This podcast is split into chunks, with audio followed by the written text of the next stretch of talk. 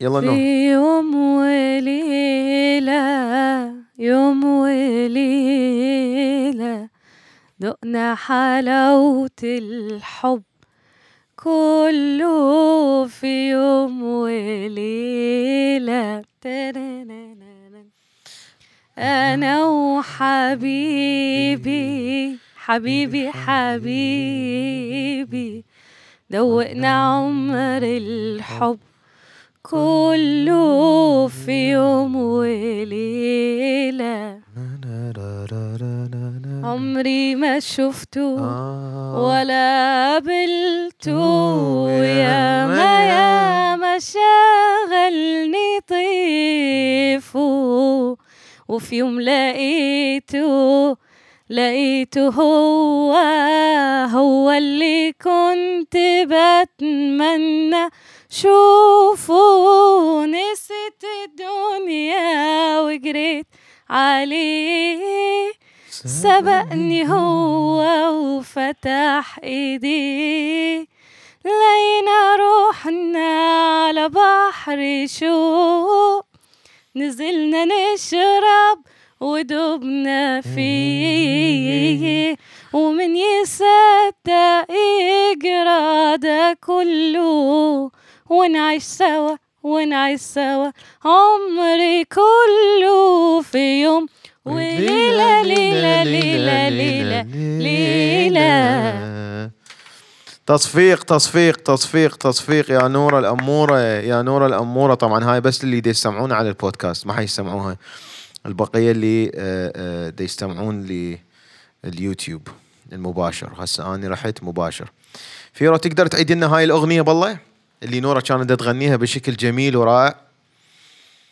في يوم وليلة في يوم وليلة خدنا حلاوة الحب. لك شنو؟ وينك؟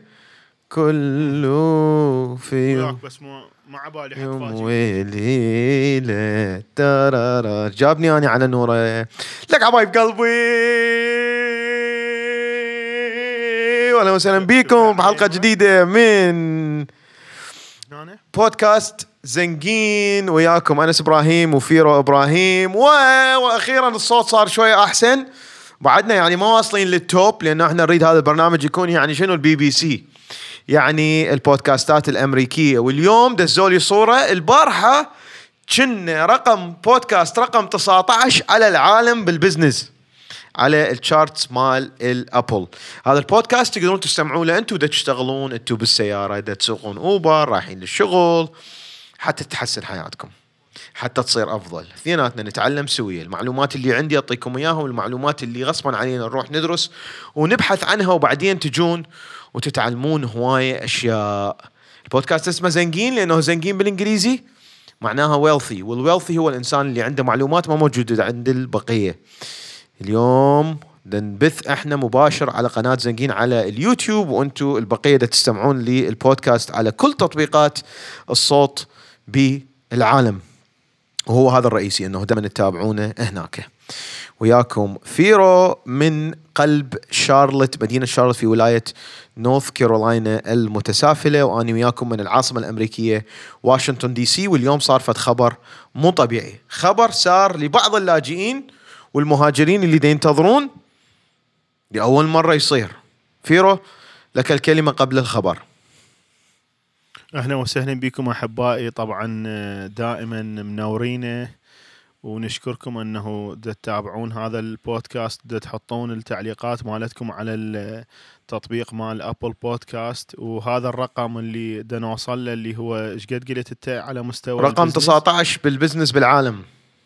رقم 19 بودكاست رقم بال business. هذا 19. طبعا فضلكم وفضل المتابعين وهذا معناته أنه إحنا كليتنا كعائلة بهذا البودكاست آه، ارتفعنا لهذا الرقم ال- على المستوى العالمي شكرا جزيلا أحبائي فيرو اليوم أبدي بالخبر الأول حتى إحنا أكو أخبار يعني لازم توصل. في يوم من الأيام تابعت العزيزة دينا البياتي الناشطة المدنية اللي موجودة في ولاية تكساس في هيوستن. وشفت أنه هاي البنية موجودة على الانستغرام و24 ساعة تحاول إيش قد ما تقدر آه، تساعد اللاجئين والمهاجرين. وفي يوم من الأيام أيضا تابعتها أنه هي ذهبت إلى منظمات آه، هاي المنظمات آه، تحاول توصل صوت اللاجئين والمهاجرين إلى صناع القرار بالبيت الأبيض وإلى صناع القرار بالكونغرس وأني أشكرها على هذا وأني دائما متابع للأعمال اللي هي تسويها بغض النظر على أنه هي آه، تقدر تذكر قصتها بإنجليزي مضبوط بدون اكسنت وتوصل قصتها ك آه، شابة أو بنت كانت عايشة بالعراق وجت هنا كلاجئه وشنو اللي تسوي.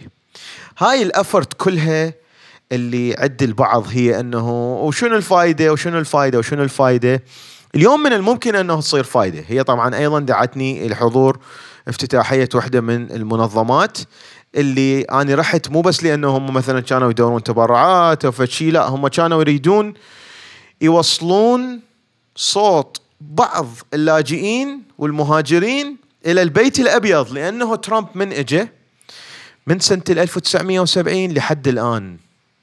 من ال 1970 لحد الآن. هاي بآخر 30 سنة هي 40 سنة صار من 1770 لهنا مو 40 50 سنة؟ زين بآخر 30 سنة ما واصلين إحنا لهذا العدد من اللاجئين اللي يدخلون. هذا العدد كلش قليل. بس اللي سواه ترامب إنه هو المفروض بالحزب الجمهوري والحزب الجمهوري هو الحزب اللي يهتم بال باللي يشتغلون ويا الجيش يحب الجيش يحب البنتاغون. بس سنة 2019 أربع أشخاص فقط كانوا يساعدون الحكومة الأمريكية بالعراق وأفغانستان جوا إلى الولايات المتحدة الأمريكية. أكو برنامج اسمه special immigration visa ترامب تقريبا وقفه وأكو واحد اسمه آي أو إم بس آي أو إم للناس اللي مو عن طريق الأمم المتحدة اللي يقدمون مباشر مع الولايات المتحدة الأمريكية. اسمع الخبر فيرو واني طبعا الخبر صار لي عندي يومين بس بما أنه نزل بال Wall Street Journal مع أنه أني كان عندي موجود هنا أنا موجود بواشنطن مجموعة من الجنرالات يروحون للبيت الأبيض ويقولوا له يا ترامب إيش تسوي؟ إحنا ذولا الناس ساعدونا بالعراق وذولا بلادهم يعتبروهم خونة وحياتهم صعبة جدا ما يقدرون يعيشون. شلون أنت تقول اني أريد أدير بالي على ال ال ال ال الجيش وذولا ناس ساعدونا هناك وما تخليهم يجون. فترامب حيستثني طبعا بعدها ما صايرة رايتنج بالكتاب. اسمع الخبر فيه راح يستثني يلا وياك حبي. راح يستثني كل الناس اللي ساعدوا الحكومة الأمريكية ومقدمين على آي أو إم واس آي في من قطع تصفيق. ال- ال- اللجوء عليهم. اذا أيام بسيطة ومن الممكن انه معاملاتهم تبدي تتحرك. اذا هذا خبر مو طبيعي. الخبر حاليا موجود على الول ستريت جورنال بالتفاصيل مكتوب منو من الجنرالات راحوا شنو فهموا آه شلون قالوا له. وللعلم طبعا هو أصلا ليش أمريكا بدأت تأخذ آه لاجئين بال 1970 لشغلتين. الشغلة الأولى إنه اللاجئين إذا جو لهنا وهي صحيح أمريكا انبنت على إيد يعني هي أمريكا الدولة الوحيدة بالعالم اللي ما تابعه لأحد. يعني مو مثل إحنا هسه من نقول شو اسمه نقول آه آه العراق للعراقيين أو ألمانيا للألمان واللي يروح يعيش بألمانيا ويعيش طول حياته وبعدين يصير ألماني هو يبقى مو من أهل البلد ما يصير ألماني. أما أمريكا ما كانت تابعة أحد كانت تابعة للهنود الحمر وجو يأخذوها وبعدين ياهو اللي يجي هنا يعيش من الممكن أنه يصير أمريكي. فاللاجئين والمهاجرين من يجون لهنا لأنه اولا أمريكا هي انبنت بهاي الطريقة وثانيا لأنه هذول الناس حيصير عندهم ارتباطات بمكان آخر وهذا يدافع عن هذول الناس حيدافعون عن الولايات المتحدة الأمريكية وهذا يأثر على سلامة الولايات المتحدة الأمريكية لأنه الناس هنا عايشين وحيحجون ويا أهلهم حيديرون بالهم اللي كانوا من العراق أو الصومال أو أفغانستان أو السعودية أو أي مكان ثاني أو من ألمانيا أو من كندا يجون هنا مهاجرين. فاذا هاي الشغلة الثانية. أما الشغلة الثالثة فالمهاجرين من يجون لهنا بالبداية يشتغلون بشغلات الأمريكان ما يقبلون يشتغلوها. اللي هي يد عاملة ولكن هاي اليد العاملة بالشغلات اللو وحتى لو هم جايين دكاترة ومهندسين يراد لهم فترة فبهاي الفترة حيشتغلون بمصانع حيشتغلون بأماكن هاي الأماكن أمريكا محتاجة محتاجة آه، يد عاملة آه، رخيصة مثل ما نقول وإحنا اليوم أيضا حنتحدث هل نستغل هذا الشيء أو لا؟ هل نقول لهم لك أنتم جايبين هنا أنا مهندس حتشغلوني بشغلة تعبانة لو لا؟ آه نستغلها لو ما نستغلها بس اقرا لكم الخبر على السريع انه uh, Trump administration mulls cutting refugee cap, keeping Iraqi program. Uh, more than two dozens retired generals and admirals uh, appealed to the White House to continue board allowance um, for the refugee applicants. The Trump administration is weighing continue a special refugee program for some Iraqis while ref- uh, further reducing the cap on other refugees allowed into the United States, according to people familiar with the internal uh, deliberation. In recent weeks, White House على العموم هنا يحجون أنه راحوا جنرالات متقاعدين وموجودين حاليا من وزارة الدفاع والتقوا بالبيت الأبيض والتقوا بترامب طبعا بعهد أوباما كانوا 110 ألف لاجئ يدخلون إلى الولايات المتحدة الأمريكية أما في سنة 2018 بس 30 ألف آه، كان المفروض يدخلون ودخلوا من عندهم 26 ألف حتى يعني مو ل 30 ألف باع نزلت من ال 110 ألف إلى 30 ألف وبس 26 ألف وأكو هواية ناس قاعدين ينتظرون هم مقدمين معاملاتهم لأن هم ساعدوا الولايات المتحدة الأمريكية. فابتداء من آه، شهر العاشر يوم واحد من الممكن إنه ترامب حيزيد البجت حيعطي فلوس ويقول اني اللاجئين اللي لأنه هذول ساعدونا بس دول اللي راح أدخلهم منا وغادي. وهنا محددين إنه ذول الناس اللي ما مقدمين على ال UN هذا اللي مشتغل ويا الامريكان ومقدم مباشرة. وطبعا كل المشتغلين الأمريكان يقدرون يقدمون مباشرة ويجون إلى آه، أمريكا. فهذا هو الخبر. فيرو. بما انه إحنا حكينا عن آه، اللاجئين والمهاجرين وشلون يقدرون هذول اللاجئين والمهاجرين يجون لهنا ويشتغلون ب يشتغلون ب... ب... بشغلات مثل ما نقول آه، يعني نوعا ما بسيطة ورخيصة آه، جدا. فخلنا نبدي بهذا الموضوع.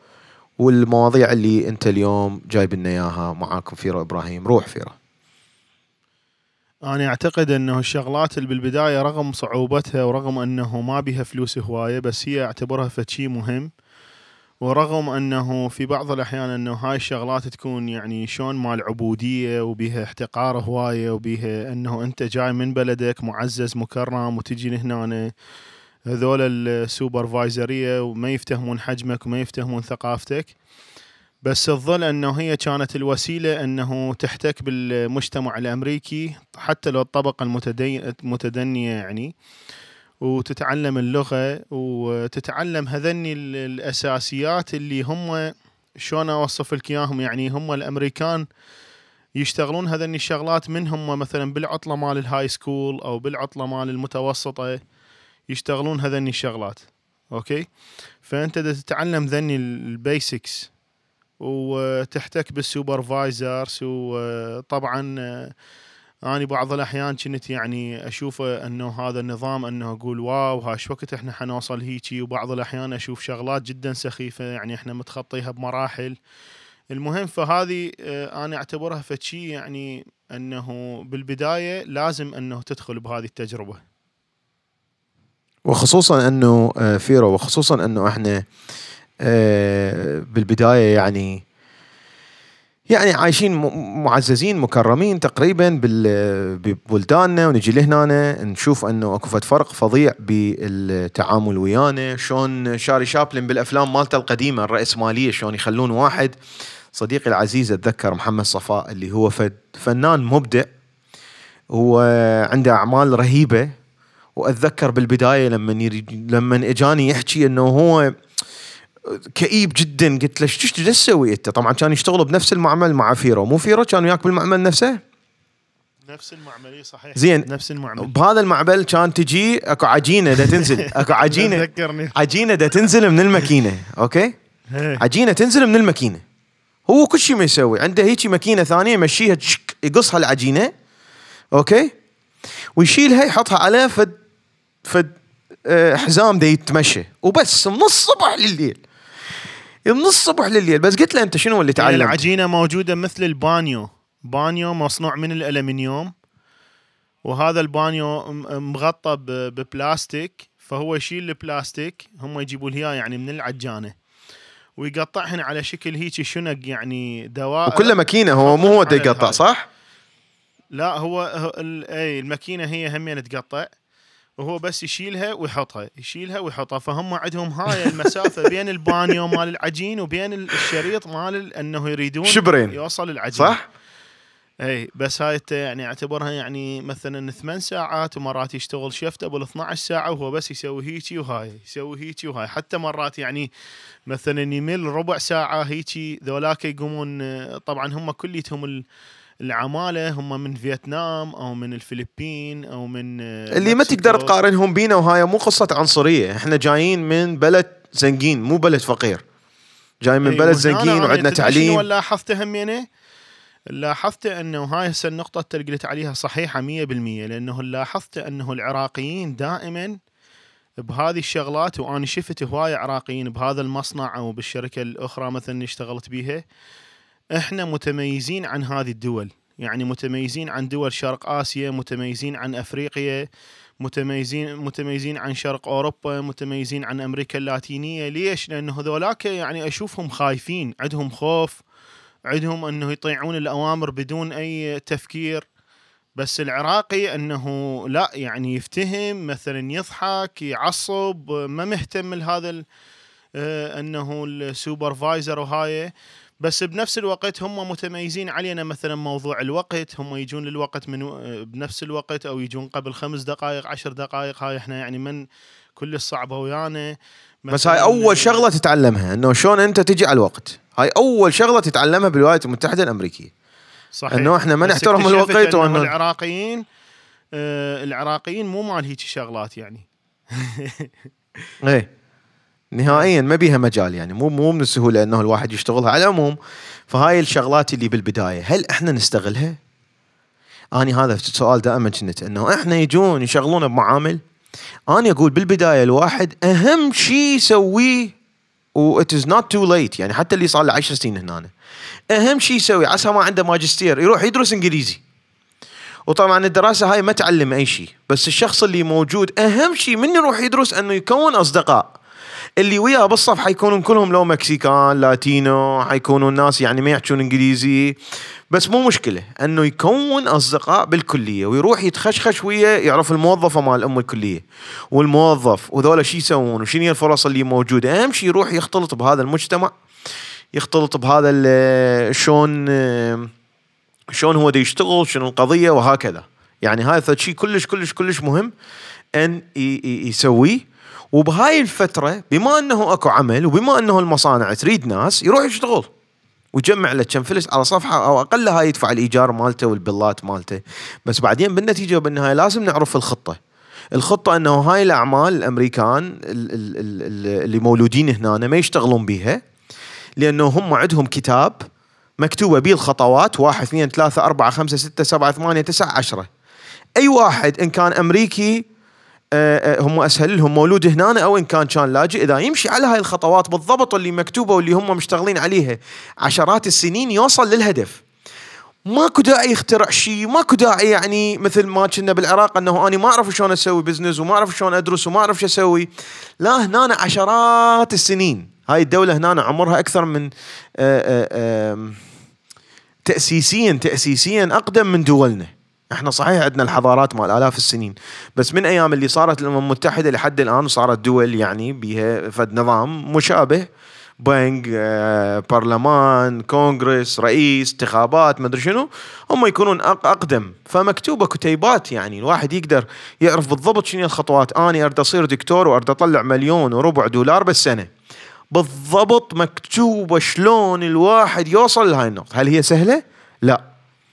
ولازم الإنسان يكون you have to have the balls to do it. مو صحيح؟ صحيح. اليوم عندنا سؤال لك فيرو.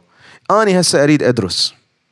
أهم شغلة أسويها إنه أني أروح أعرف أني هاي الشيء دا أسويه أحبه لو ما أحبه. صحيح. وبعدين لأنه أنت هذا أقدر أدرس أي شيء بأمريكا.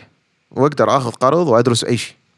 بس بعدين هل أني أقدر آه، آم، أطلع هاي الفلوس لازم اعرف اني شنو ادرسه تذكرون الرقم مالتنا؟ قلنا لازم دائما ال- أكو ناس ما مقررة إنه شو يريدون يدرسون. اليوم ال CNBC حاطين فد خبر كلش رهيب عن ثلاث اختصاصات.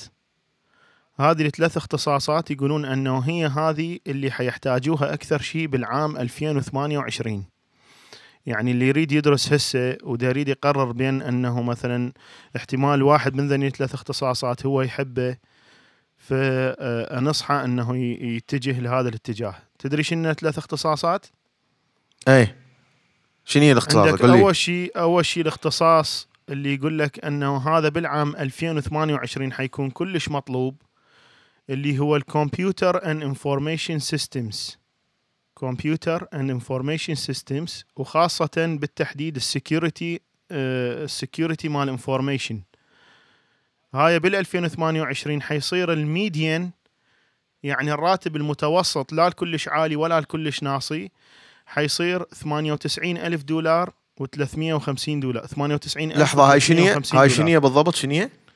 هاي ال median لا لا شنو هي ال- الشغلة؟ هاي ال computer and information systems computer and information systems يعني IT وكمبيوترات اي computer information systems وخاصة بالتحديد ال security information طبعا هسه ال network security وال security وال cyber security فد شيء مو طبيعي.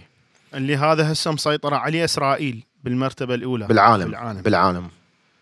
مسيطرة عليه إسرائيل بالمرتبة الأولى بالعالم. بعد يقول لك هسه بالوقت الحاضر مو بال 2028 هسه بالوقت الحاضر اللي دا يتخرجون من ال software engineers بعد كل شيء ما مسوي هستوى فات بهذا المجال software engineers و application software developer يعني اللي يصنعون ال application ات مال ال smartphones واللي يصنعون ال- البرامج اللي يبرمجون البرامج ذولا بعدهم كل شيء ما مسوين ياخذون خم... آه، آه، 65 and 400 65400 65000 بالسنة. 65000 هذا استوى تخرج. هستوى تخرج. ال median المتوسط مال هذول ال engineers مال ال software ومال ال application software ال median مالتهم 100 ألف دولار بالسنة. المتوسط. هذا المت... المتوسط. مو هستوى يعني داخل بهذا المجال. زين هسه في واحد جاي يعني أني دارس هسه مثلا بس خلي أقول لك sorry الاختصاص الثالث الاختصاص الثالث هو ال electrical engineer المهندس الكهربائي. المهندس الكهربائي هذا بعدها استوى فات ب- هذني طبعا مطلوبات هسه قلنا الاختصاص الأول الاختصاص الثاني والاختصاص الثالث اللي هو ال electrical engineer استوى متخرج ياخذ 72600 وال median مالتهم المتوسط؟ يعني المتوسط آه، دا ياخذون 99070 دولار. طبعا هذا المفروض ورا ثلاث سنوات توصل لل median أنت. ال median. واكو ناس اعلى من هذا بعد الرقم. هسه تدري شنو ال- ال- اللي دا يقولوه هم بال article أي. يقولون إنه لازم واحد من يختار. مثلا يقول أنا أريد أسوي software engineer أو application developer أو أريد أصير electrical engineer أو أريد أصير computer and information system okay؟ يقولون أنت لازم تعرف هاي الأرقام وتشوف إيش قد حتطلع بالسنه وبعدين تيجي تقارنها بالجامعة مالتك إيش قد حت charge ك. جامعة مالتك يعني مثلا يقول لك إنه أنت مثلا حيصير عليك ديون 200 ألف دولار فلازم تعرف إنه أنت مثلا أول سنتين تشتغل أو أول ثلاث سنوات أنت ما حتسدد بع- مثلا للسنه الرابعة يلا تقوم تستفاد فيريدوك إنه حتى تعتمد على هاي الارقام إنه تختار الجامعة الصحيحة اللي هي اولا مقبولة وثانيا أسعارها مناسبة. وإحنا بالنسبة لنا هذا الفرق عنا وعن الأمريكان اللي مولودين هنا مو كلهم طبعا. هو أنه هذول أهلهم فتحوا لهم حسابات استثمارية من كانوا يشتغلون من كان هم عمرهم 20 سنة الأب والأم. أو منها استوهم تزوجوا يعني وقرروا أنه يجيبون أطفال. يعني مو مثلنا إحنا يجيبون أطفال يعني هيك على الله. هو ما يعرف ليش جاب أطفال. هو لأنه هو هاي يعني مهمته بالحياة إنه يتزوج يصير عنده أطفال. أول شيء لازم يصير عنده غرفة. طلع فلوس الغرفة هسه لازم يتزوج. كنتور يعني. ست بيبان. ست كنتور ست بيبان وراها اي يجيب المغني تصورني عطواني وبعدين هاي انتهى الموضوع وراه يصير عنده أطفال. ليش شنو منو ذولا شلون هذا؟ رزقهم يجوا وياهم انتهى الموضوع. هنا أنا لا بعد ما يعني حرام نعمة الله. ما يصير هيك يعني. أنا دست عليها قبل شوي. بس خاف حرام أدوس عليها بعدها. ما يصير. خاف نعمة الله. فهنا عندك ال ال ال ال اهلهم فتحوا لهم حساب استثماري. ياخذون من الراتب مال الأب والأم فد 100 دولار بالشهر. تنحط بحساب استثماري. هذا يكبر يكبر يكبر compound interest اللي هو حرام ترى آه، آه، فوائد يعني تدخل للحساب. فيكبر يكبر يكبر. من يصير الشخص اللي عمره 18 سنة؟ طبعا الدولة ما تأخذ ضرائب على هذا والدولة تشمل فوق الحساب هذا. هاي الحسابات مال college funds من يصير عمر الشخص 18 سنة هو الابن أو البنية من حقهم هم اللي يأخذون الحساب. هم اللي يسحبون الفلوس. ومن يس... يعني إذا الأب والأم سحبوا الفلوس لازم يدفعون الضرائب من فتحوا الحساب ذاك اليوم. فالشخص هذا ياخذه يدفع فلوس الكلية يطلع ما مديون. يطلع له مديون 5000 دولار ما أدري شنو مو هوايه إحنا ما حنقدر لازم ناخذ قروض فلازم نفكر بها هيجي اللي دي يحجون بهذا المقال دي يحجون إنه شلون واحد يختار الكلية ويحط بدماغه إنه هو إيش قد يدفع. عندي صديقتي كملت neurology شنو neurology طب الاعصاب إنه هي جراحة مال أعصاب مال الحيوانات. أوكي؟ الدراسة مالتها إنه هذا الحساب اللي أهلها مسوي لها اياه كان ب 180 ألف دولار. هي فوق ال 180 ألف دولار أخذت 400 ما أتذكر 420 420 ألف دولار فوقه قروض. بس لما تجي راتبها يكون السنوي تقريبا نص مليون نص مليون دولار. الراتب السنوي. فعلى العموم إنه إحنا لازم ندرس بهاي الدراسات بس بالمناسبة ترى هم الأمريكان يدرسون يعني بالجامعة هم الأربع سنوات دائما. مو مثلنا يعني هسه أنا أنا ونور من بدينا إحنا ندرس بال community college اللي هي ال credit ات مالتها معترف بها من الجامعة ام الأربع سنوات. م. بس السعر مالتها يكون أقل. شنو السبب؟ ما عندهم مثلا ملاعب عملاقة أو ما عندهم فد فريق كرة مشهور أو ما عندهم مثلا جيم عملاق أو مجموع الناس مثلا قليل. فالامريكان راسا يفضلون أنه يروحون للجامعات أم الأربع سنين. إحنا سوينا درسنا أول سنتين بالجامعات اللي هي يسوي لك community college طبعا لازم تتأكد من ال advisor تقول له يابا هاي الكريديتات اللي حاخذها. تقبلوها لو ما تقبلوها. وتسأل وتسأل وتسأل وتسأل. تسأل وتسأل وتسأل وتسأل وتسأل وتسأل وتسأل وتسأل. ذني ما نقبلها. okay فأخذنا ال full. وبعدين رحنا حتى يقل الحجم مال الطلب مال مال ال loan من تروح للمدرسة أم الأربع سنوات. هم بالنسبة لهم من ال high school يروحون للمدرسة أم الأربع سنوات فشوف دائما ال loan يعني هم مطلوبين مثلا مئة ألف دولار خمسين ألف دولار ستين ألف دولار م. وهكذا. بس بالمناسبة آه، ملاحظة انه هذه الأرقام اللي قلتها هذه موجودة تقدرون تطلعوها من ال Bureau of Labor Statistics اللي هي وزارة العمل. أو أو من وزارة العمل Bureau of Labor Statistics أو تطلعوها من ال National Center for Education Statistics هذا ال National Center for Education Statistics هم يعني يقول لكم هذا ال major إيه قد يطلع؟ هذا كذا هذا ال median مالته كذا. وكله عندهم أرقام يعني هم حرام طبعا يعتبر الدولة كابره وهاي أمور مع ولهذا هنا كانوا دائما العرب من يجون يريدون يفتح مطعم. أقول له ترى بالضبط هذا المطعم وبهذا المنطقة بالضبط حيطلع لك 30 ألف دولار بالسنة. يعني أصلا تروح إيه. تشتغل بماكدونالد أحسن لك لأنه يعطوك 28 ألف دولار. فيرو رجعني على super chat super اي هسه أنا حقرا ال super chat هو هذا اللي تقوله. رجعني على ال point أريد أحكي اللي جاي هنا عنده دراسة اللي عنده شهادة أصلا شو يسوي. وأريد أحكي آه آه خل أقرأ التعليقات. يابا التعليقات اللي جايتنا على ال super chat بالنسبة اللي يستمعون للبودكاست إحنا هذا نبثه مباشر على قناة زنقين على اليوتيوب اللي ما عندنا بها أي حرية نهائيا وفي يوم من الأيام يسدوها. إحنا بدنا نحكي براحتنا يعني بس في يوم يسدوها. عندنا عمر زكريا يقول اليوم فيرو بعيد عن الكاميرا وطالع professional هاي طبعا لأنه أني داز له داز له 55 رسالة سابة مسبة اله يعني مو اهله سابه إنه يروح يجرب وياه صار ساعة نجرب. وجون فرانسيس دز لك يابا تعليق برتقالي ويقول مفخرة العراقيين لبلبي أحبائي الغاليين. أنا سفيرو هذا الرمان ال pomegranate الاخويه فيرو صحتين وعافية. شكرا. فيرو وين الرمان مالك؟ شكرا حبيبي جون فرانسيس. جون فرانسيس العزيز من جزيرة واق واق شكرا جزيلا. آه من أستراليا الحبيبي. وهاي اني هنا أنا متقصد حاطة هاي البنوتة الصغيرون اللي تشوفوها هاي جاي أيضا من جزيرة الواق واق اللي أبعد من عندها اللي هي نيوزيلندا الدولة العزيزة علي كلش. آه نهلة تقول من كندا تحياكم. بدأ استلم notification كله صوتش نهلة. تدرين ليش؟ لأنه لازم تدوسين على ال ال غيروا ورا ما تسوين subscribe تدوسين على الجرس, الجرس. لازم تحطيه اول الجرس حيطلع ثلاث اختيارات تختارين الاختيار الفوق وتدوسي مرة لخه لأنه ما يختاروا ما أعرف ليش. يلا يقوم يجيك ال notification عوني يقول proud of you guys وطبعا كل اللي قريت أسمائهم لحد الآن هم من الداعمين الرئيسيين اللي دائما موجودين. واللي دائما يدعمونه. آه، ريو تيوب ما يصير اللاجئين المدنيين في تركيا أخي أنس ال UN. عزيزي ترامب يكره اللاجئين إلى درجة يعني علني ويكرههم مو لأنه هو يكرههم هو من نيويورك والمفروض يحب ال diversity لأنه الناس المؤمنين اللي يصوتون لترامب اللي موجودين في جنوب الولايات المتحدة الأمريكية ينفيرو في شارة متسافلة ذولا يكرهون الغريب فهو دي يلبي لهم فد شيء على حساب اللاجئين اللي هم ما يعنون شيء آه، درى فماكو حاليا يعني تقريبا حيصير صفر. يعني نسبة اللاجئين اللي حيدخلون هو يريد يوصله صفر. فهذا الشيء يخلينا إنه نفكر ملاحظة ملاحظة ملاحظة. سبق إنه بالتاريخ إنه آه شو اسمه؟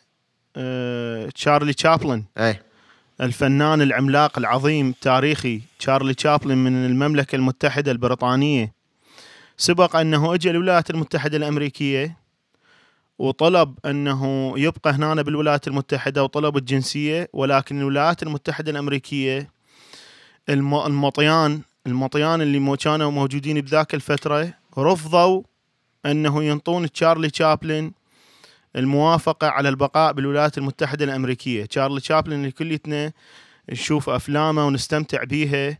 بس هذا شيء بشري فيرو تسمح لي يا عزيزي. مو- مو يكرهون شيء البنغلاديش عندنا؟ والمصريين قبل جوي ونفس ينطون الشيء. لل... ينطون للدواعش وللإرهابيين ينطون للدواعش والارهابيين يعطوهم إقامة ويحجون ضد أمريكا وهاي. وتشارلي تشابلن العظيم أنا شنو النقطة اللي دا اقولها؟ النقطة دا اقولها إنه مو معناته إنه أمريكا رفضت هذا الشخص معناته إنه هذا الشخص يعني ما يستحق لأنه سبق أنه تشارلي تشابلن هذا الإنسان العظيم اللي ضاف للتاريخ البشري وللسينما العالمية الولايات المتحدة المطيان بذاك الوقت من طول هاي.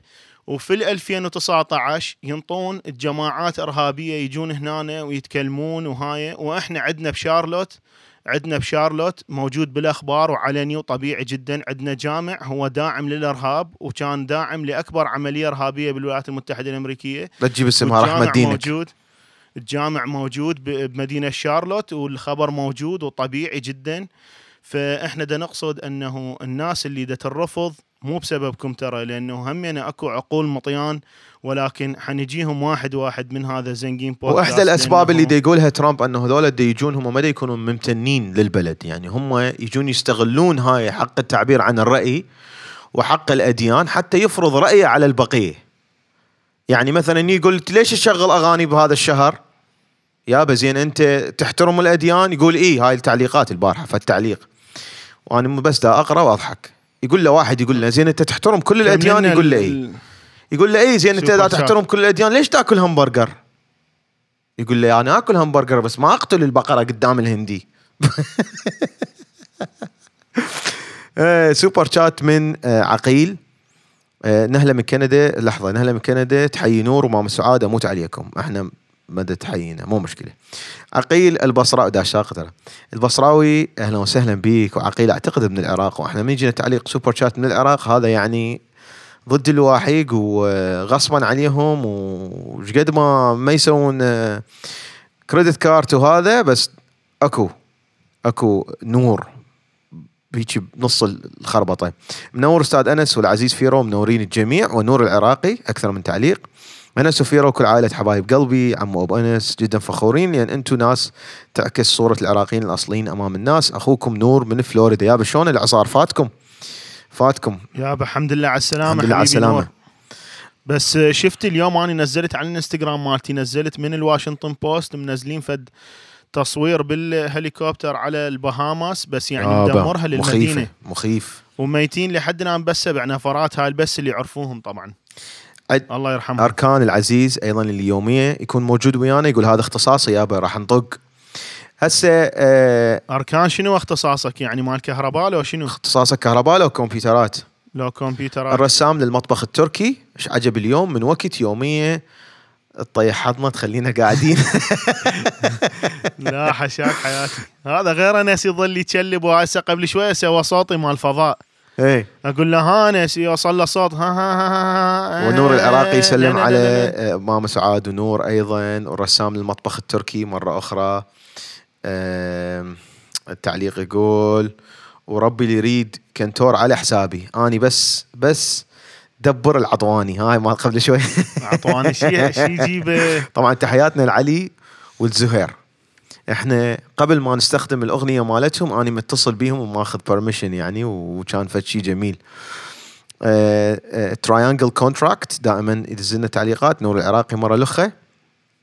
آه، عمو أبو إباء اللي أجيب لك العطواني لعرسك. وأحمد العبيدي من الهند اللي فيرو البارحة يقول هاي أول مرة. عبالي حلقة آه، اليوم تبدي بتعل بتعليم لفه لف العمامة ولكم الأجر. تدرون يعني أكو شغلات عندنا يعني تابعة للعادات والتقاليد شنو مثلا. هاي يا أحمد؟ إحنا اليوم إحنا ت- اليوم وصلتني يعني هيك رسالة. لا مو أنت ما تدري. ها. اي هاي معلومات سرية. بس إحنا صار لنا okay. struggling صار لنا ثلاث أيام نريد نتعلم شلون نلف العمامة ما نقدر. فبعض الخيرين هذا علم هذا ما يجي اي واحد يعني هي مو شغلة تفاهة وشغله هذا الغرب والكافر المنحطين المتسافلين في المجتمع. هذه شغلة علم وهذه شغلة يعني لها أصولها ولها تطبيقاتها العملية. نعم. ما أعرف هاي بالأخير ما أعرف شنو التطبيقات العملية. والله حقيقة اللي يلقى فيديو سهل طبعا هذا آخر فيديو. لقيته فيديو قال أني يعني الخبير. مقعد كل هذا ودي يعلمهم لف العمامة والعمامة السوداء تختلف لفة عن البيضة. وأكو زلومة وهاي الزلومة مقدسة لازم مو تلفها لفة عادية. وأكو حجم وبعدين لازم تلف ال- القماشة على كتاب. ومثل الأوتي لأنه الأوتي مال غرب الكافر ما يصير تستعمله. والله ما دا شاقة يعني شوفوا أنتوا الفيديو. فالأوتي فيرو لازم ما يصير تستعمل أوتي. إلا تغش يعني مو قدامها لأن رب عمي ما يشوفك مثلا شنو جاي تستخدم اوتي شنو انت اليوتي صاير فلازم يعني لو تجيب؟ كتاب مقدس تلف عليه الورقة okay ومو الورقة القماشة وبعدين هذا الكتاب هو يسوي لك إياها عدلة فالمهم العملية وإحنا نريد نكون authentic يعني على مود تطلع العمامه حقيقية. آه زين طبعا عقيل ما افتهم عقيل شو يقول؟ هاي حيل قوية أستاذ أنس وأنا أخوكم عراقي من تكساس. لا نعل على ضميرك عقيل. يا عقيل طلع من تكساس. مو أنا قريت البصراوي وكيفت. يلا مو مشكلة. طلال اليوم ويانا. تكساس واهل تكساس, تكساس. أركان يابا. أبو ال IT. وتوكس سبارك اليوم ممنوع تقرأ تعليقاته okay؟ توكس سباركي. زين أركان يقول IT. يابا هسه أجي اريد احكي على فد شغلة وهم زين ما نسيت. انه شلون؟ آني آني خريج علوم علوم حاسبات بغداد من بغداد. فجيت لهنا عندي بكالوريوس. أول شغلة آني ضد المعادلة. ومعادلة وشلون نعادل والمعادلة. الدراسة بأمريكا هي فد شيء business فالكلية هذول ليش يعطوك شهادة بدون ما يأخذون من عندك فلوس؟ أي كلية بأمريكا؟ هن كلهن business، كلهن business. طبعا بالنسبة لي يسألني أقدر أجي أدرس بأمريكا؟ أي واحد بالكرة الأرضية يقدر يجي يدرس بأمريكا، عندك الفلوس؟ مال الدراسة تقدر تدرس. وأنا لحد الآن ما لقيت إنسان واحد شخص واحد جاد جاد يعني عنده الفلوس الإمكانية إنه يدرس.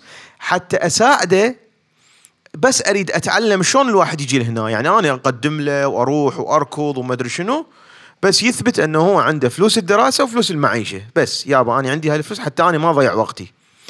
أريد أخذ له موافقة أريد أشوف شلون الموافقة تصير وعلى العموم فهذه ال- ال- الكلية business لما هي business وأنا أجي أريد أقول لهم أريد أعادل. يقول لك أنا هذا لازم أعصره أخذ ما عنده سنة سنتين فلوس. فلو واحد يذبح روحه صحيح أكو شركات وما شركات ومعادلة وما معادلة. لازم يعصروا الكلية والله عندك نقص هذا الدرس هذا الدرس يلا أعطيك شهادة من عندي. على شنو اللي يعطي شهادة؟ فالأسلم والأحسن اللي أنا أعتقد به إنه الواحد يأخذ ماجستير. زين الماجستير اللي يأخذه زين شلون يشتغل؟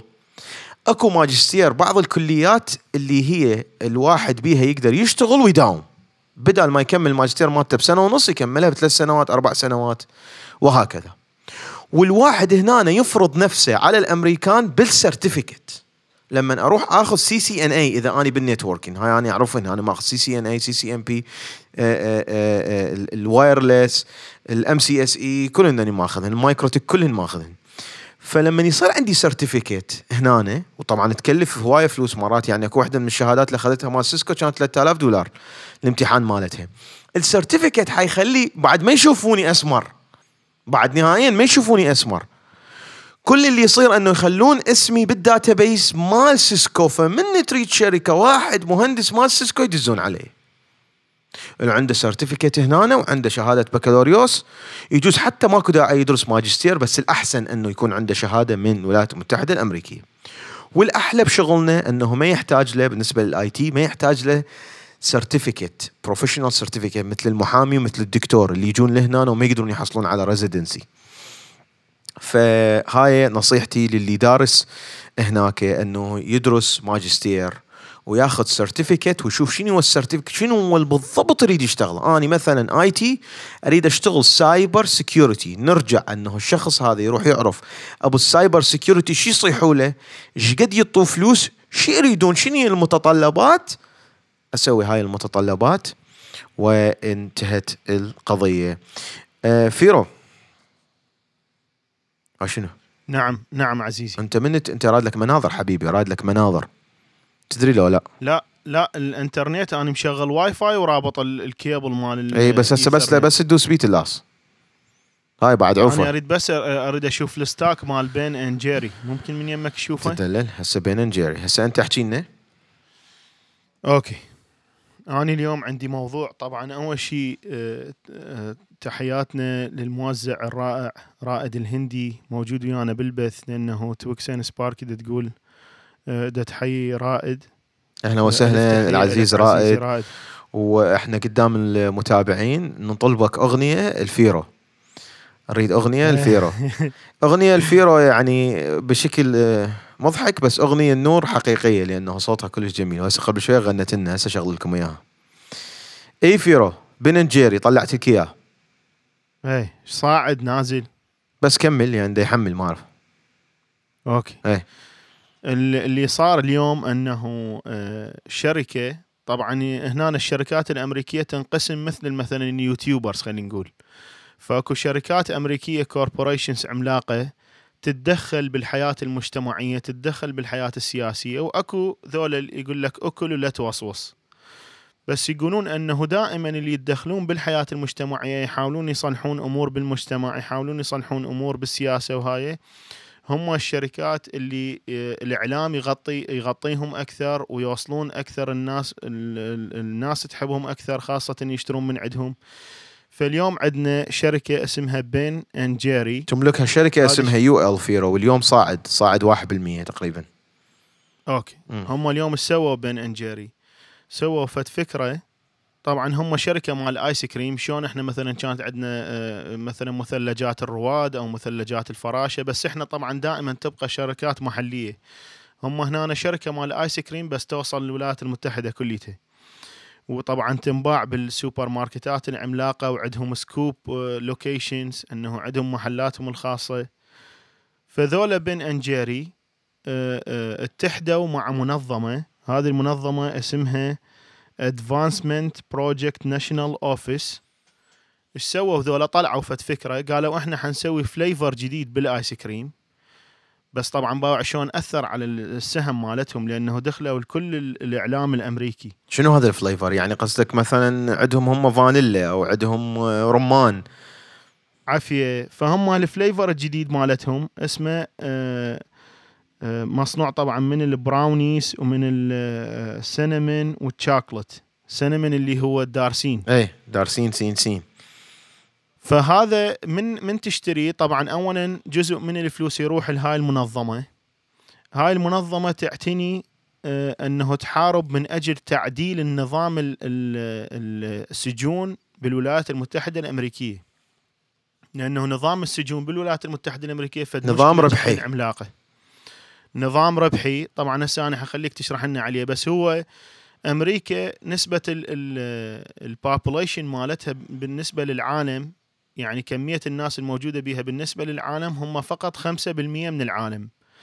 بس نسبة المساجين من الكرة الأرضية أمريكا عندها 25% من مساجين الكرة الأرضية كلها ربع السجناء.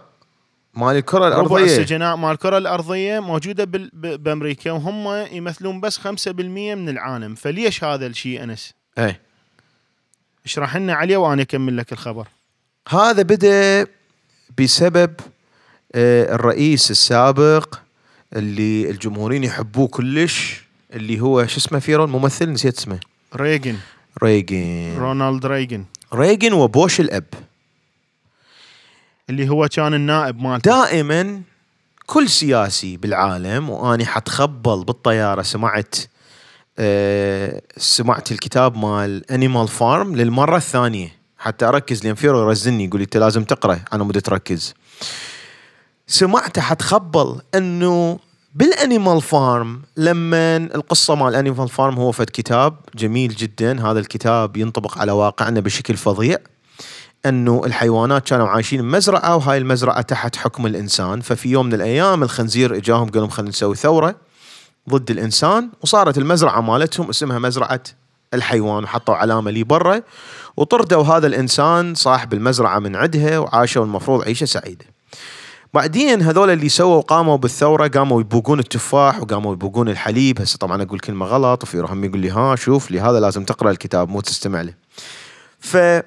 فلما قاموا يبوقون وبعدين الشعب قام يتضجور. يابا شنو القصة؟ عمي كان عندنا كهرباء كان عندنا أمن شنو الموضوع؟ يجون يخوفوهم. آه تريدون ترجعون الانضباطيه بالشارع؟ ها تريدون ترجعون البعثيه بالش دائما يخافون بالبعبع مال الزمن السابق. يعني ما ما يقول له الاحسن دائما يقارنه بالاسوء دائما يقول له ها تتذكر كان ماكو cellphone كان ماكو تليفونات؟ آه، موبايل صار عنده موبايل. دائما لازم لازم سريع تصير فيرو بهاي اللقطات. لا. آه ما ما اشياء ما حرام خاف نعمة الله. أنت دست عليه بس ما رديت عليه خاف بعد حرام. أي. ف. ف آه لازم ال- السياسي يدور فد بعبع. ففي يوم من الأيام إن الولايات المتحدة الأمريكية ماكو الحرب الباردة خلصت. آه ما عندهم مشاكل الاتحاد السوفيتي. أمريكا مستقرة الاقتصاد زين. فلازم يطلعون فد فد حرب. فقاموا طلعوا بتقارير أنه المخدرات تدمر الولايات المتحدة الأمريكية. لما تشوف أي أمريكي بالشارع تقول له شنو؟ يقول لك يقوم يبكي يبكي يبكي يقول لك إحنا حالتنا حالة. هاي أكو نكتة في رايدك تقول لي. الخوف الخوف. هم business الخوف. السياسة business الخوف. السياسة والدين. لازم تقول لنا لأنه هذا راح يخوفك. راح لأبو العرضه حلشي ويحكي له قصته وبعدين يبكي يقول له هاي أنا هيجي وما أدري. اي ف ف آه، آه، يخوفوهم رادوا يلقون فد حرب سووا الحرب على المخدرات.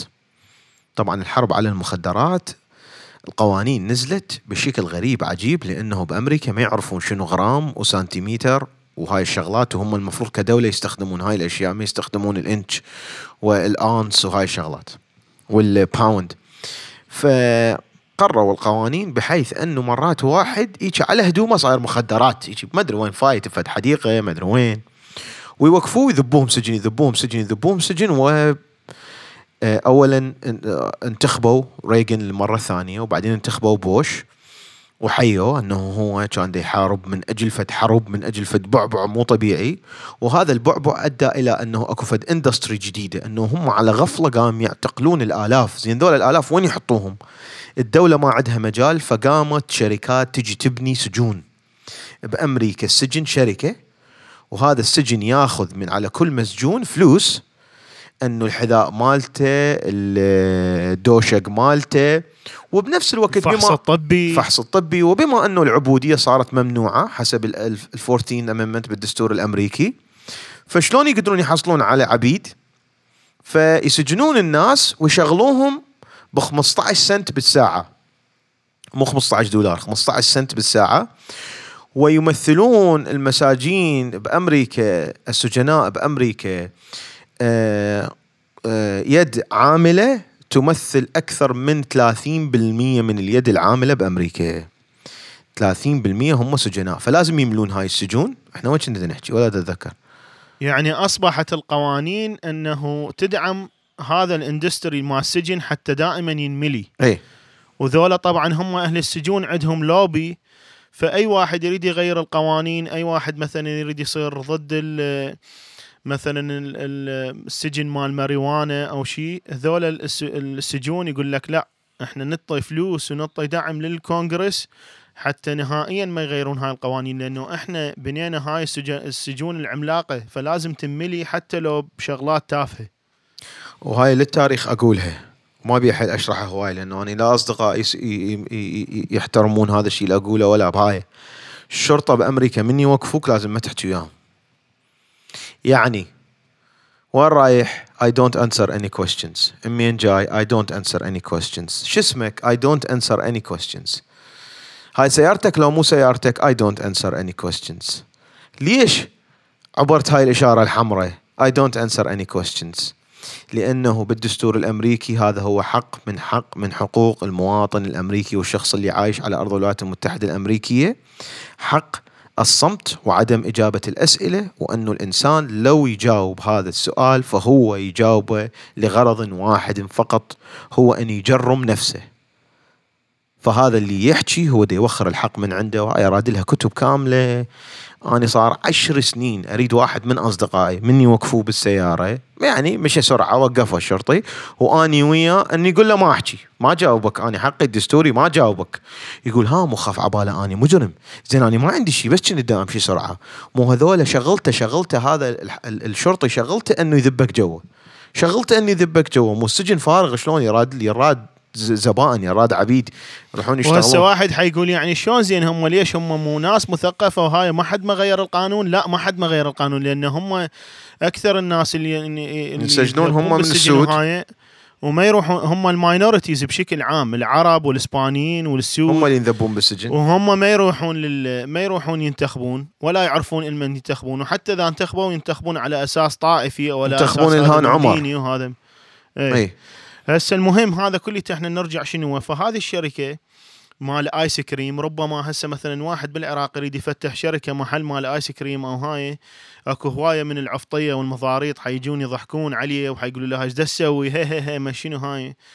وهنا شركة مال ايس كريم تدخل بالسوق الأوراق المالية وتوصل أرباح المليارات الدولارات ويفتحون محلات بكل أنحاء الولايات المتحدة بس طبعا هم الايس كريم مالتهم يعني مرتبة مو مال طق عطيه المهم فهم يريدون يحاربون هذا اللي يصيحوا له ال- النظام ال- ال- السجون وسووا هذا ال mix اللي قلنا مصنوع من ال cinnamon الدارسين والشوكولات ومصنوع من البراونيز اللي هو عبارة عن بسكت يصيحوا البراونيز كلش مشهورة هنا وسموه ال Justice Remixed Justice Remixed يقول لك إنه هذه الفكرة هم محل مال ايس كريم والمبيعات مالتهم كانت يعني شبه متوقفة لأنه يعني ما تصعد وتنزل بذاك ال- الموسم مال الصيف تصعد الموسم مال الشتاء تقل فمبينة يعني.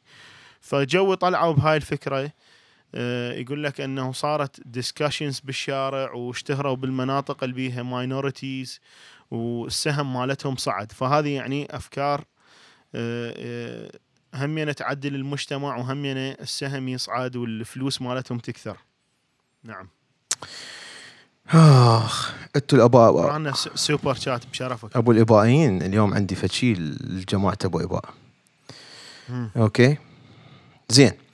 آه سوبر شات عندنا يقول أبو الردود منو... ما لا تقرأ. تو... ها توكس وسباركي عزيزنا رائد مية هلا. نهلة تقول من كندا أسأل الله يساعدك. من اللي يسالون طبعا إيش قد حلو نهله إنه تذكرني إنه هي منو منو شنو؟ لأنه آلاف الناس يدقون علي آه آه يا أبو أكو ناس صدق مطفيه ونايمة. معودين ساعة قبل ركض دوروا جنسية. ما افتهمت. شنو معناها؟ يعني ساعة قبل افلتوا دوروا جنسية للنايمين.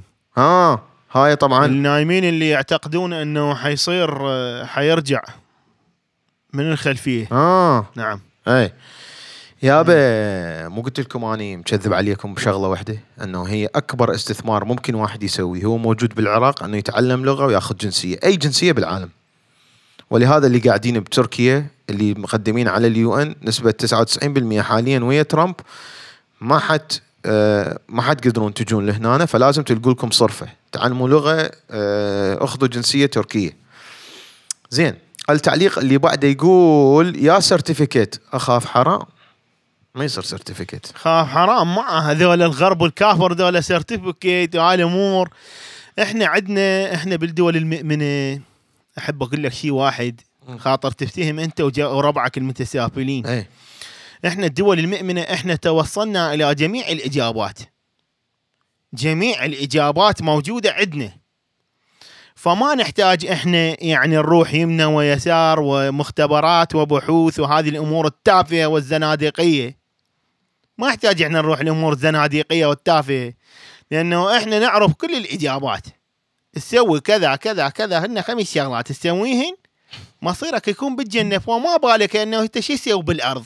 يعني تريد تريد تسوي باث تاب وتريد تروح للبحر بالسنة مرتين وتريد تصعد طيارة وهاي التفاهات مالتكم تريد انترنت سريع وشور مي حار وكهرباء. شنو هاي يعني هي هاي التخت... هاي فنرجو من الجميع المتسافلين أنه ينتظرون إن شاء الله ويجازونهم في الآخرة لهم طبعا هاي احتمال يعني هو ذا سواء خمسة احتمال يا اما هاي يا اما هاي تلاص عليه. ولكن نأمل كمل أخي.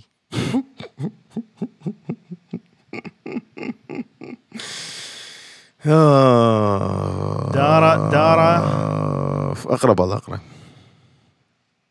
ورسالتي. هم أقراها. إيه. هورامي دارة هورامي هي هاي دارة هورامي ورا ال- هاي مو صحيح؟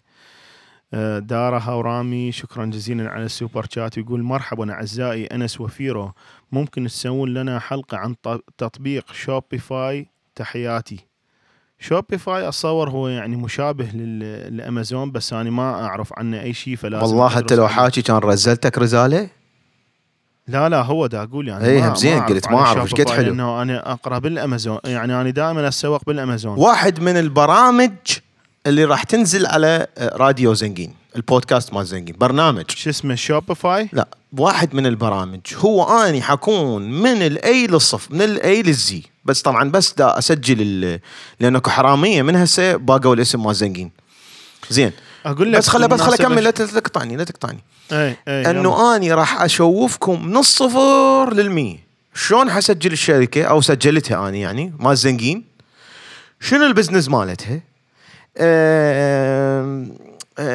مثلا ال- الجواريب مال فيرو الصفرة okay؟ شلون راح تنزل؟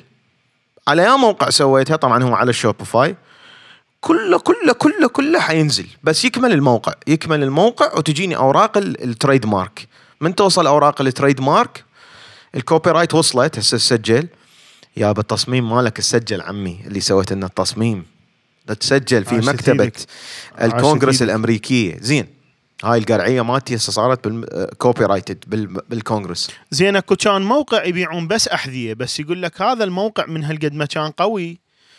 امازون ذبحت روحهم بس يريدون يشتروه اللي هو اسمه Zappos اي اشتروه. سمع عليه هذا؟ اشتروه شنو؟ هذا يقول لك كنت أنت آه، ما أدري شلون تدفع اشتراك أو أنه أنت بس تشتري الحذاء من عندهم. بس تقدر ترجعه يعني بال 40 مرة. okay؟ طبعا بالبداية هم سووا هذه السمعة إنه هذا تقدر تشتريه وتلبسه وتراجعه إذا ما حبيته وهاي. بس they ended up طبعا هم مثل Uber بالبداية هم خسروا هواية فلوس. بعدين they ended up انه هم أصبحوا رقم واحد store بالولايات المتحدة الأمريكية ببيع الأحذية. يعني هم ورا ما يجمعون فلوسهم حتى لو عسى ما مليون واحد مرجع أحذية هم يعني هم يظلون هم محصلين فلوس. ما أدري شلون هو أنت كان لازم إلا تدفع اشتراك أو شيء إي. بس من هالقد ما Zappos كان قوي وبالبداية خسروا فلوس هواية بس بعدين قاموا يطلعون فلوس. مو Amazon. Zappos Zappos إي. Zappos sorry. فجو الأمازون واشتروا Zappos لأنه أصبح فد شيء قوي قوي قوي جدا. فهذه هم النقطة أنه ترى يابا إذا تريد تفتح مشروع جديد أو تريد تفتح فكرة جديدة آه، أتوقع أنه بالبداية ربما أنك حتخسر هواية فلوس بس بالمستقبل طبعا هاي بالاقتصادات المحترمة يعني ذول الدول المتسافلة والكافرة اللي هم أوروبا الولايات المتحدة الصين ما تدعم هاي البزنسات والأفكار الجديدة. أه، بس مثلا اليابان ساوث كوريا فذول الاقتصادات انه من الممكن انه بالبداية انت تخسر فلوس بس بالمستقبل تحصل فلوس هواية. طبعا سوبر شات من رامي آه، شاموكا. رامي حبيبي شكرا جزيلا. يقول تبا لي ولكم. إذا ما تعرف ما تعرفون تشدون العمامه هاي هاي حبيبي. تبا لي ولكم حبيبي. إذا ما تعرف وشد عمامة حبيبي عايشيني مو حبيبي. هاي. اللي هو شنو الغرب حبيبي؟ الغرب جاب لنا أمور نلتهي بها عن عبادتنا حبيبي. هاي اركض ورا طوبه حبيبي. شنو اركض ورا طوبه يعني كل قرقري. هو هذا جابوا لنا الغرب حبيبي؟ هو الغرب شنو جاب لنا حبيبي؟ سوى لنا سيارة جكسارة. هو مو عيب واحد يعني يقرأ سيارة جكسارة؟ مو عيب واحد يركب سيارة جكسارة؟ هذه أمور حبيبي يعني نرتهي بها عن عبادتنا. كما قال السيد الوالد يعني شنو حبيبي؟ سوف تعظكم الكلاب من بعدي. وهاي يعني أمور تافهة وأمور آه، ما أعرف يعني. فيقول تبا لي ولكم إذا ما تعرفون تسوون العمامة. وذاك الأخ اللي يقول اعتق هذا اللي يقول اعتقلوهم. آه، بس لا تزينون شعرهم صفر اللي هم يلبسون برمودة. زينهم صفر. لك جيرة بقصتكم فيرو تدري أنا البارحه شايف شايف فيديو خطير؟ اكو الاخ المصور أحمد الربيعي كلش خوش تصوير مس- مسدسات ورشاشات عاتي أحمد الربيعي طبعا جديد هذا منافس ال ماكو ماكو منافس. ماكو منافس ماكو منافس لا لا أحمد الربيعي همين عنده اي فيديوهات بس ماكو ما, يجي ما. يجي ما يجي ما يجي ما يجي تنافس بس بالمناسبة بالمناسبة مم. هذه طبعا بالضبط هسه أنت هذا مال آه، رامي من دا يقول على أحمد الربيعي تدري هاي بالضبط وين صارت؟ صارت بين Apple وبين Samsung Apple هم اللي طلعوا بالفكرة هم اللي بالبداية صرفوا فلوس على الأبحاث وعلى الهاي. فطلعوا ال iPhone ف آه، آه، آه، شي يصيحون لهم؟ يصيحون لهم industry changer أو يصيحوا لهم path setter يعني إنه ذولا هم اللي يبدون الطريق أو هم يغيرون ال industry كليته اللي هم Apple. ذولا السامسونج راسا يجون يسوون لهم copy على العين على الحاضر okay. ياخذون الفكرة من أنا وينطوهم اياها شلون ذاك ال- الدثو ياخذ الفكرة من أنا ويعبرها من أنا. فيعني ما عنده هو فد creativity أو إبداع يسوي أفكار جديدة بس ياخذها ويعبرها عليها هاي. طبعا وشكرا للرسام للمطبخ العراقي شكرا التركي عفوا. أنت ما تقرأ رسالتي. فيرا اي ف ما دا أقرأها لا. اي آه، الرسام وطلال وبعدين عندنا إحسان. يقول منورين شباب ربي يحفظكم تحياتي يابا تحياتنا لكم لا تنسون مثل ما. قلت لكم أنه دائما لازم تستمعون للبودكاست أنتوا تشتغلون يعني مو بس هنا على المباشر جزء معلومة فاتتكم فد شيء أكو جهاز حكينا عليه اسمه هيليوم آه، حلقة كاملة كانت عليه. هذا الجهاز آه، البارحه شيكت وصلنا 20 شخص من عائلة حبايب قلبي اشتروا هذا الجهاز. آه، قلت لكم هو مثل الاستثمار يعني. أوكي؟ زين.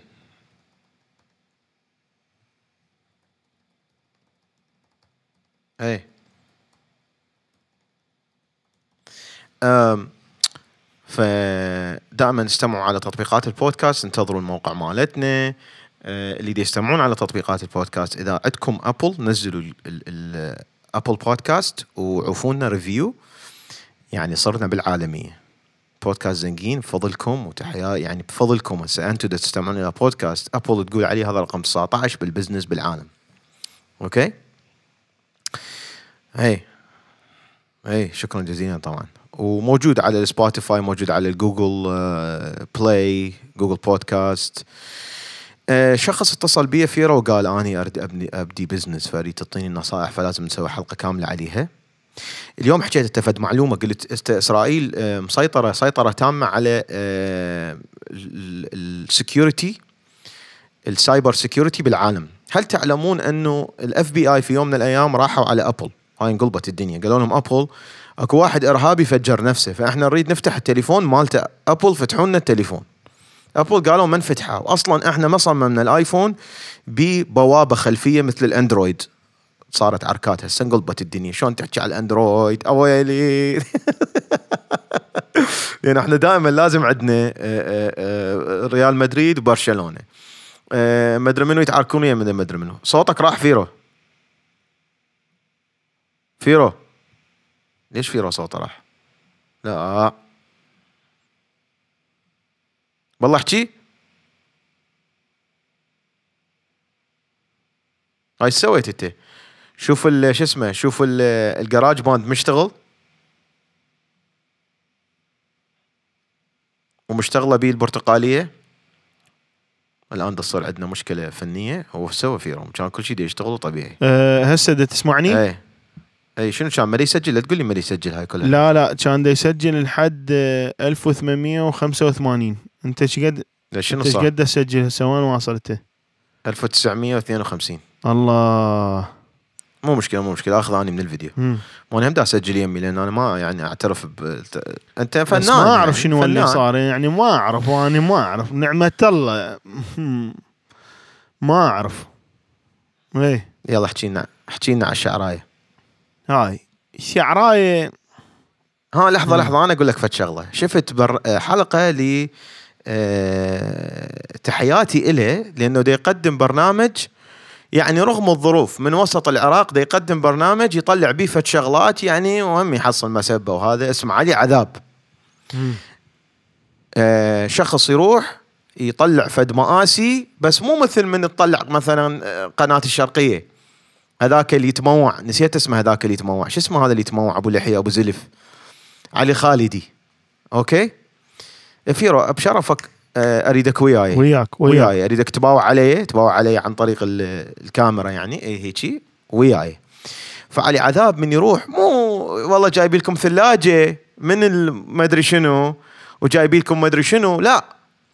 يعني دي يروح دي يشوف مآسي وبعدين دي يروح. زين إحنا هنا الشخص اللي عنده mental illness اللي هم الناس اللي عندهم مشكلة بعقلهم. من الولادة وراثيا جينيا تعرضوا إلى صدمة. هذول اللي رادينهم عناية خاصة الأب والأم والهاي ما يقدرون يأخذون هاي العناية الخاصة. ففي يوم من الأيام نسيت هنا بواشنطن التقيت بشخص وقال لي اني ابني بتوحد. وشلون يعني حياتنا تغيرت؟ اني ما كنت حاب أمريكا بس بعدين شلون دزونا ناس يعلموني اني وأمه شو نسوي شلون نحكي وياه. قام يحكي وقام يمشي وقام يطلع وصار شوية طبيعي. ويعاقبونا هنا إذا ما نتعامل وياه بهاي الطريقة. يعاقبونا لو ما ناخذ الدورات يقولون لو ناخذه من عندكم لو تتعلمون هاي الدورات وهكذا. وإذا بي أشوف حلقة مؤلمة جدا جدا جدا وهاي الحلقة المؤلمة جدا فيرو يروح للفلوجة مدينة الجوامع. إيه الله. فأكو فد منطقه يعني فيلم مصري فيلم مصري. إنه يروح علي عذاب لفد بيت عندهم ولد بيه توحد اللي هو الأوتيزم. إيه. أوتيزم. شو مسوين أهل البيت؟ يقولون مو هذا بالبيت يدوخنا ومن نعوفه ينهزم. شو مسوي؟ رابطيه بحبل برا بالباب. واو. جايبي له مال إرهابية ماكو؟ من البقايا مال الإرهاب. مدينة الجوامع. جايبي له هذا الحزام مال شلون الحزام الناسف؟ مم. ماكو؟ من المدينة الصناعية مال الفلوجة. فجايبي له هذا حزام ملبسين وبالحزام مفخخات مع المفخخات. احترامي لل- أكبر مع مدينة مفخخات بال... الصغيرة المحترمة. اي فجايبي له شو اسمه؟ وبعدين يجي عليه عذاب في في فيطلع الجيران يقول له والله هذا يعني شو تسوي له؟ هو الله خلقه هيجي ويعني آه الله خلقه و...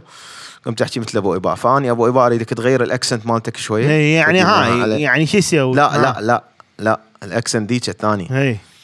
اي ف ف شنو هذا والله؟ رابطيه شو نسوي له؟ يعني هو هاي ما ياكل وهذا هو. أنا مو اني عايش عليه يعني الله خلقه. يعني إحنا. طبعا إحنا نعتبر. يعني إحنا بفضل الله وحمده رحنا دا نبني جامع جديد مدينة الفلوجة. وألف الحمد لله والشكر. طبعا كملنا الأساسات مال الجامع وكملنا الهيكل مال الجامع. حبيبي. والحقيقة إحنا نرجع يعني بناء بيت الله سبحانه وتعالى. فمن نرجع الحقيقة تعبانين كلش. وهذا يدوخنا أخونا. يقمز وطبعا إحنا يعني تعرفوا يعني أنا راجع مثلا صلاة وباني جامع دابني جامع اني بالفلوجه ونريد نبني جامع هاي انه إحنا محتاجين جامع. وأنا عندي أبوي يشتغل بالمنطقة الصناعية. فورا ما صارت الدواعش جو علينا وطيحوا حظنا وهاي وبعدين فاتونا ميليشيات وعلقت. هم طيحوا حظاتنا فبعدين يعني شغل الصواريخ وقف عندنا شوية. فورا ما وقف شغل الصواريخ عندنا رحنا سوينا كلبشات هذا أخويا. خاطر من نرجع من بناء الجامع. نرجع نربطه خاطر ما يعيط علينا وهاي. وسووا له سقيفة يقول مو سوينا له سوينا له سقيفة. لأنه إحنا يعني حتى شنو بس إحنا يعني طبعا إحنا في فلوجه عتبنا على الحكومة العراقية وعلى حكومة الأنبار إنه إحنا دار رعاية مال مجانين واحد ما عندنا مركز صحي واحد ما عندنا يعني رعايه نسوي؟ ال- بغداد ما رعاية ال- يخلونكم ال- تروحون. ال- ال- أهل التوحد ما عندنا إحنا رعاية الاحتياجات الخاصة ما عندنا إحنا كل عندنا جوامع. تباوع يمنا جامع. باوع يسرى جامع. باوع لي فوق جامع. باوع لي جوا جامع. تباوع قيراج هيجي شمال شرقي جامع. تباوع شمال غربي جامع. جنوب شرقي جامع. جنوب غربي جامع. إحنا شنو كله جوامع يعني حتى أنا. مرة شكيت إنه أكو جامع يعني إحنا بيتنا هم سوينا جامع هاي فإحنا شنو إحنا فلوجه إحنا دار رعاية صحية ما عندنا مال أوادم رابطين مستشفى مال. أوادم ما عندنا؟ مكتبة بها كتب وهاي الأمور الشيطانية ما عندنا أخوي أبو الولد أنتوا هذا الولد رابطيه يعني هذا إنسان إنسان انسان يعني هسه هسه حتى الحيوان هنا هم يديرون بالهم عليه أنتوا رابطيه بالشمس اخويا شنو يعني هذا؟ هذا ليش يجي لأنه أنا أرجع من بناء الجامع. مدينه الله. فهذا يزعجني. فهذا طبعا عيب خلقي عنده. وطبعا إحنا تعرف يعني إحنا من نروح للجامع؟ يعلمونا على الرحمة والإنسانية ويعلمونا على صناعة الأمور هاي. الحلوة تطلع نار هواية. فيعني ما علمونا على رعاية الأخ هذا ذات التوحد. فإحنا طبعا يعني نطالب من الحكومة ونطالب من السيد عادل عبد المهدي. هاي شو شو يسوي لكم بعد؟ هو ذات 24 ساعه تبني جامع شو يسوي لك هذا؟ أنا صرت إيه. زين آه، الأبو إباء. إيه. أبو إباء. إيه. هل تعلم أنه أنتم يعني الابو ابائيين كلكم. كتابكم الديني مقاري؟ لا تحترم نفسك. أنت كلامك هذا اريدك تحترم نفسك وتتكلم بهالطريقه ولا تتكلم علينا إحنا مدينة الجوامع. يعني أنتم ماكو كتابكم الديني مقاري؟ اجتي سيارتين بي إم ودبليو وقاموا يرمون علينا حامي شامي. وإحنا الحقيقة إحنا نحب الجوامع. يعني أنا إذا ماكو جامع إذا ما أشوف جامع بعيني يعني ما أرتاح نفسيا ما أرتاح. أنا أحب أشوف جامع وما أروح أشوف جامع. فلهذا إحنا يسمونا مدينة الجوامع. وإحنا هاي الأمور التافهة هاي مراكز صحيه ومكتبات وجامعات وهاي. هاي إحنا ما تمشي يعني إنه هاي كلها أمور حرام وأمور دنيوية حقيرة. هاي أمور دنيوية غربيه يعني كلش كلش تافهة.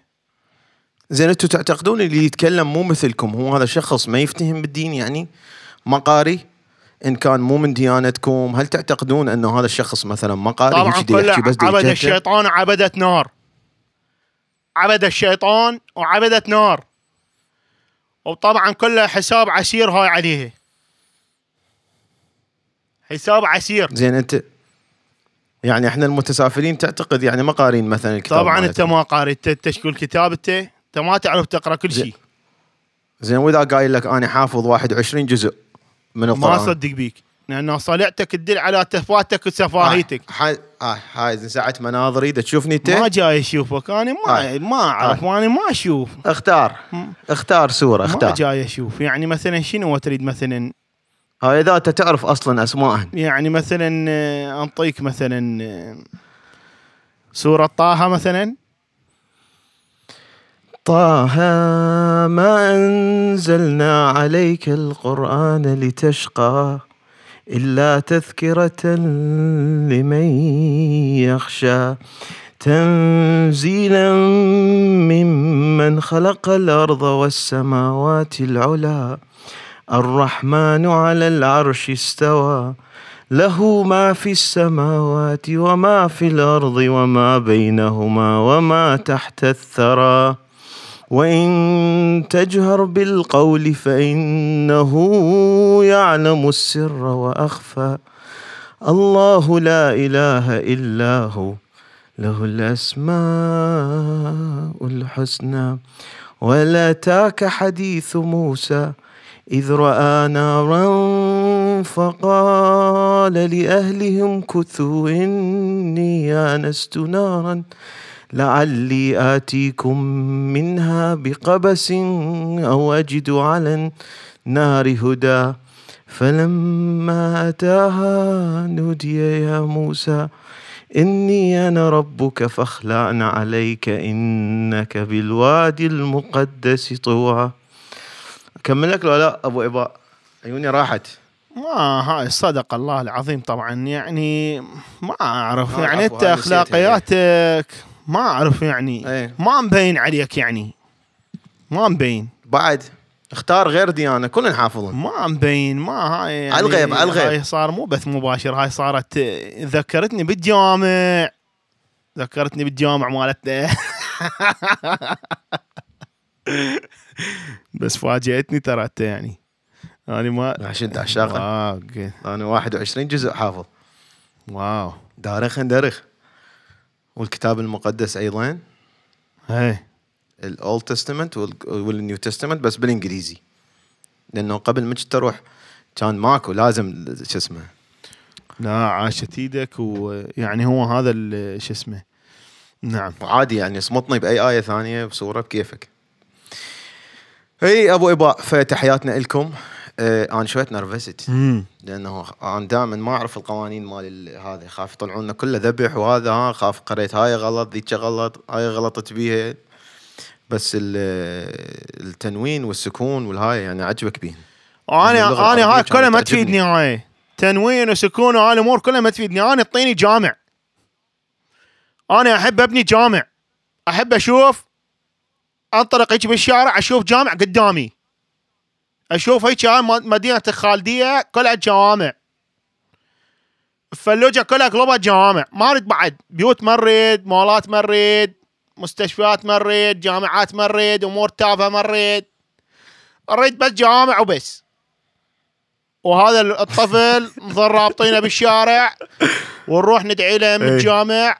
ونروح ندعي له من الجامع وورا ما نكمل دعايه من الجامع وراها إن شاء الله يصير المرض مالته كله يروح و يعني يصير في شيء إلا خرافي.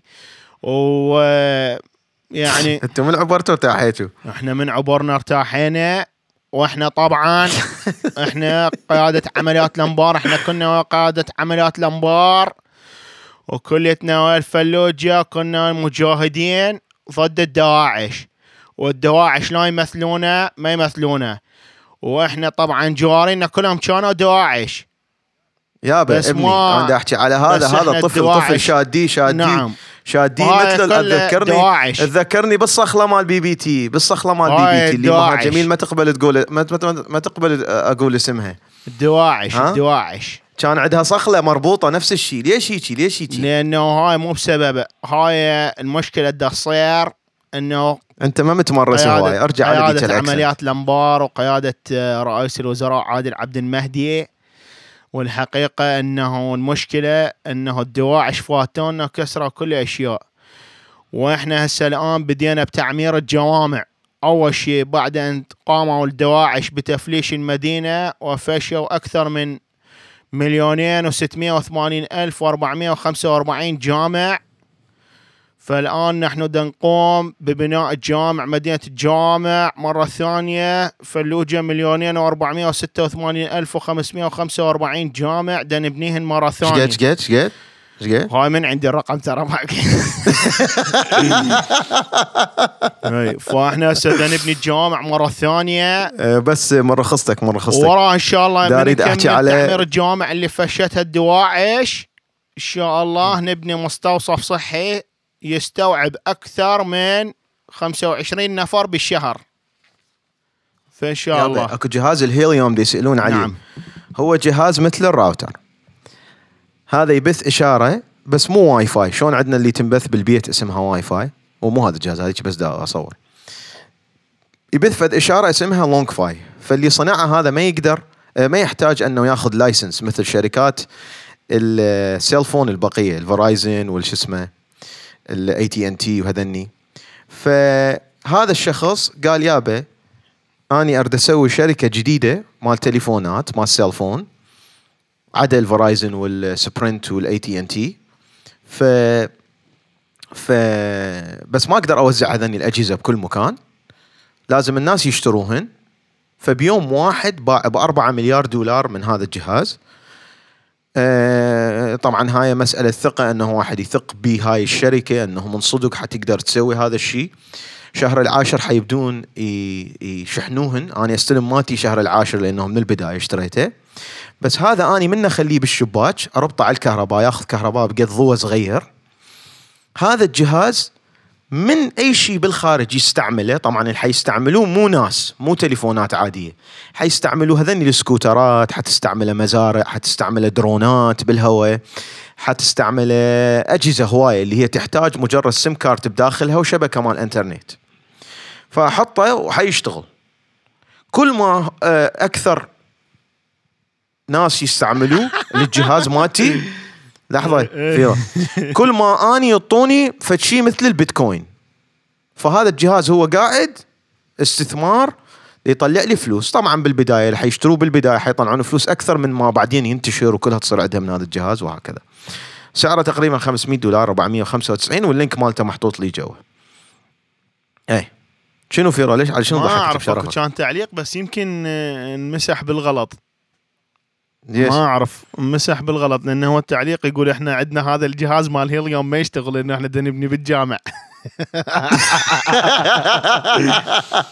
طبعا المفاجأة ادري شنو. هي المفاجأة؟ إيه؟ إنه شوف الطائفية إيش قد موجودة؟ بحيث إحنا مثلا آمناني من نحكي أبو إباء أو هاي على الأحزاب الإسلامية اللي هي حزب الدعوة وبدر وش اسمه والمجلس الأعلى هذ- هذولا عادي.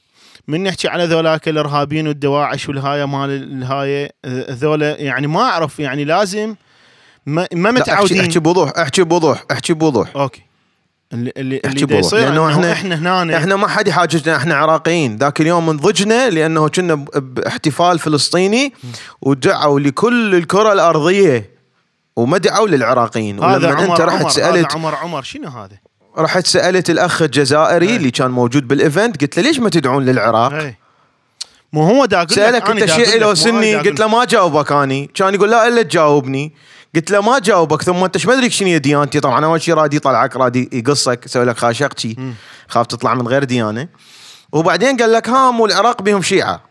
إي وإحنا ضجنا؟ وإحنا جينا ذكرناها بهذا إحنا مو هو هذا المشكلة المشكلة إنه الإعلام هن- الإعلام هناك بالعراق إنه لازم لو تصير ويا هاي الجهة لو تصير ويا هاي الجهة. ماكو إعلام مثلا عنده مبدأ أو عنده فشي إنه الحق حق والباطل باطل. عندهم لازم تصير ويا باب. وحتى من البداية من الكتاب مال بول بريمر بول بريمر ذيك المرة النقطة مالتي اكو الكثير ما افتهموها أنا من حكيت على بول بريمر قلت بول بريمر من اجى إحنا كنا نأمل أنه الأمريكان مثلا يقولون إحنا حنجيب خبراء بالإعمار حنجيب خبراء مهندسين بالصيدلة بالصيدلانيين حنجيب مهندسين بال بالكهرباء حنجيب مهندسين ميكانيك حنجيب خبراء اقتصاديين المهم. حنجيب خبراء سياحة. اللي سواه أي. بول بريمر إنه جاب الميزة الإنسان ما جاب ناس ذول الناس شنو هم؟ كليتهم رجال دين شنو الميزة مالته؟ والله هذا مسلم سني وهذا مسلم شيعي. وهذا القومية مالته عربي وهذا القومية مالته كردي. فإحنا ذيك مرة ذكرنا قال لهم تعالوا خلينا نبني البلد. خلينا نبني البلد. فأنا ذيك مرة إيش دا أقول؟ دا أقول هو شنو ذولا يعني سني أو شيعي أو كردي أو هاي هو شنو هاي؟ هاي المسميات هو من اجى من بطن أمه انطوه هذه المسميات. أنت أعطيني شنو اللي سواه؟ شنو الاختراع اللي سواه؟ شنو الفكرة الاقتصادية اللي سواها؟ شنو الفكرة السياحية اللي سواها؟ شنو الشيء اللي اخترعه؟ وهو هذا اللي يبني لي البلد. مو اللي يبني لي البلد والله هذا سني أو هذا شيعي أو هذا كردي. شنو هاي يعني؟ فلهذا والتخلف موجود بكل مكان. المتدينين ما قارين الدين مالتهم. الغير متدينين الملحدين ما قارين. هم ليه هو ليش يكره ال- ال- الدين؟ مثلا ما قاري. أوكي؟ اي فبالرغم من المعلومات اللي نجيبها اليوم فيرو من سألتوه على Shopify قال ما أدري. أنا أعتقد هذا الموقع هيجي بس ما أدري. فالحب للدين أو كره الدين بدون دراية بدون دراية. فأني من أحكي وشلون يقولوها؟ وأعوذ بالله من كلمة أني. أني من أحكي آه ما خال كتاب آه ديني أقدر أخلي إيدي عليه؟ ما ما خال. حتى من جيت وأني اكتشفت أنه ال- الإنجيليين في جنوب الولايات المتحدة الأمريكية يعني عاداتهم وتقاليدهم وطائفتهم وديانتهم المسيحية مختلفة تماما عن المسيحية عندنا بالعراق. ردت أفتهم فأني قعدت قريت 138 كتاب ديني إنجيلي شلون وصلت المسيحية إلى الولايات المتحدة الأمريكية. أعطيك قصة اصمتك بوحدة؟ إي بس لا تتاخر لأنه تأخرنا هواي. أوكي. يريدون ينامون كان أكو باختصار ال- ال- الديانة المسيحية كانت مقتصرة على الكنيسة واللي موجودين بالكنيسة وكان أكو قانون يمنع على المواطن العادي العوام يمنعهم على من أن يقرون البايبل. ما يصير يقرون الكتاب المقدس. وإذا لكفوا واحد دا يقرأ وهو لأنه مكتوب باللغة اللاتينية واللغة اللاتينية هي لغة مو الكل يعرف يقرأها. إذا لكفوا واحد دا يتعلم لاتينية يسوي له خاشقتي قصود راسه. حلو؟ ف أنا من متبوع عليه ما اعرف احكي وياك دا أكتب أي. ملاحظات. ما أريد اريد اكتبها عليه. فالمهم جوي آه، في يوم من الأيام اجى واحد اسمه مارتن لوثر. مارتن لوثر مو هذا مارتن لوثر كينج مالتنا واحد اسمه مارتن لوثر هذا جايهم من مكان ما بين هولندا وما بين ألمانيا يحكي Dutch. فاجى قال لهم يابا هو طبعا ما له دخل بالديانة كلش. قال لهم أنتم هذا يعني شلون أنتم تتبعون ديانة؟ يعني ما تقدرون تقرون الكتاب مالتها. فأني هذا الكتاب المقدس اللي مكتوب باللغة اللاتينية واللي موجود بداخل الكنيسة ال- ال- اللي آه، اللي بيها ال Pope آه، فقط أنا حترجم لكم اياه ترجم الكتاب إلى لغة يفهمها الألمان يفهمها ال- ال Dutch يعني. وانقلبت الدنيا. فقام هنا ال ال آه، ال Pope دز لهم جيش يريد يقتلهم لأنه ضد شو اسمه ضد آه، القانون اللي يقول ما يصير تقرون البايبل لأنه أنتم مو تكارته مثلا يعني شلون؟ اي فبعدين جيب الليف ودي الليف ظلت آه، أحزاب وطوائف ودول تترجم ال Bible بطريقة ثانية، إحنا ليش نتبع مارتن لوثر؟ خلينا نترجمه خلينا نترجمه وصارت عندنا كل هاي الطوائف الأمريكية اللي موجودة بأمريكا وبأوروبا فقط، مو المسيحية اللي عندنا الأصلية اللي بالفلسطين وبالعراق وهكذا. ففيرو في يوم من الأيام ظلوا يترجمون ظلوا يترجمون وجاهم واحد قال لهم كافي بعد ماكو ترجمة، أنا أحكي ويا الله. إنه أني أحكي فأني بعد ماكو ترجمة. أني أحكي عندكم سؤال قولوا لي أنا أحكي رب العالمين وينزل عليه الوحي وهذا وأنا أجيب لكم الأخبار شنو الموضوع. فقام يقول لهم المهم هذا ألمانيا من ذاك الوقت مشهورة بال- بالجدران. بنوا حائط دائرة ما يدور ألمانيا. ذاك الوقت. ف وظل هو موجود جوا الحائط. والكنيسه الكاثوليكية اللي موجودة بروما كانت دائما تريد تقضي عليهم. ففي يوم من الأيام دزوا لهم في جيش آتي مو طبيعي وصل إلى مشارف هذه المدينة. حلو؟ اي هذا اللي دزوه اسمه يان ماثايا. يانج ماثايا. أوكي؟ ما أعرف شلون ألفظها. فالمهم هذا اجى وصل للبوابة. الشخص اللي قال لهم بعد لا تحجون بال شو اسمه لا تحجون بال, بال... ماكو داعي ترجمون أنا أحكي يا رب العالمين. هذا قالوا له يابا اكو جيش جاينا قال كل شيء لا تعدون العدة ولا هاي. أنا سألت رب العالمين وقال ما عليكم شيء. فطلع وياه 12 شخص بباب الح- الحائط برا الحائط. قدام الجيش الجرار. طب عليه يانج مثايا طب قطع رأسه. سوى له خاشقجي وقتل اللي وياه. غير هذا جاي دي يرجعهم إلى الديانة الكاثوليكية شنو؟ حتى التعليق مال امي مسح؟ أوكي. التابعة إلى روم؟ لا لا مو مسح. أوكي في روم؟ هي فهذا اللي جاي دي يقضي على الديانة مالتهم. دخل جوا سوى أول شغلة. سوى. قال لهم هذا كان صحيح؟ وهذا نبي من أنبياء الله وهذا ترى صدق كان يحكي يا رب العالمين. جاب أنت مو استوى قتلته. قال لهم إيه أنا رب العالمين هم يحكي وياي. دز لي رسالة قال لي روح لهناك. إذا هذا طلع برا. السور وحده لا تقتله. وحول الجيش مالته كله وياه. إذا طلع برا السور هذا ويا ناس قتله. فأني قتلته. وهذا الجيش وإحنا حنصير ضد البوب اللي هو دزنا وكليتنا ديانة واحدة هذا شنو كانت مشكلته؟ هذا لازمي أكثر من مرة. ويا الخدامة. اللي موجودة مال ال- الكنيسة. دا يسوي شغلات يعني جو الدرج. هذا عمر عمر ما تمسحه لأنه ح- ح- حكفر ب... اسمه عمر عمر كمل. أي هاي. أوكي هذا راح. لأنه ما هو عنده هذا الاسم الوحيد اللي يعني باعتباره أي. اسم طائفي يعني هو أي. هذا هسه كيف. باوع هذا مو دخل؟ هذا اجى قال لهم عمي إحنا ال New Testament بعد ما نمشي بيه نمشي بس بال Old Testament جيبوا ال Old Testament يابا okay. تعالوا اقروا أكو موجود. King Solomon King Solomon كان متزوج 700 وحدة. جمع المدينة كلها وحطهم بالساحة. شكو واحد أو وحدة عمرهم فوق ال 12 سنة. قال لهم هسه كل شخص لازم يتزوج 700 وحدة قدامي.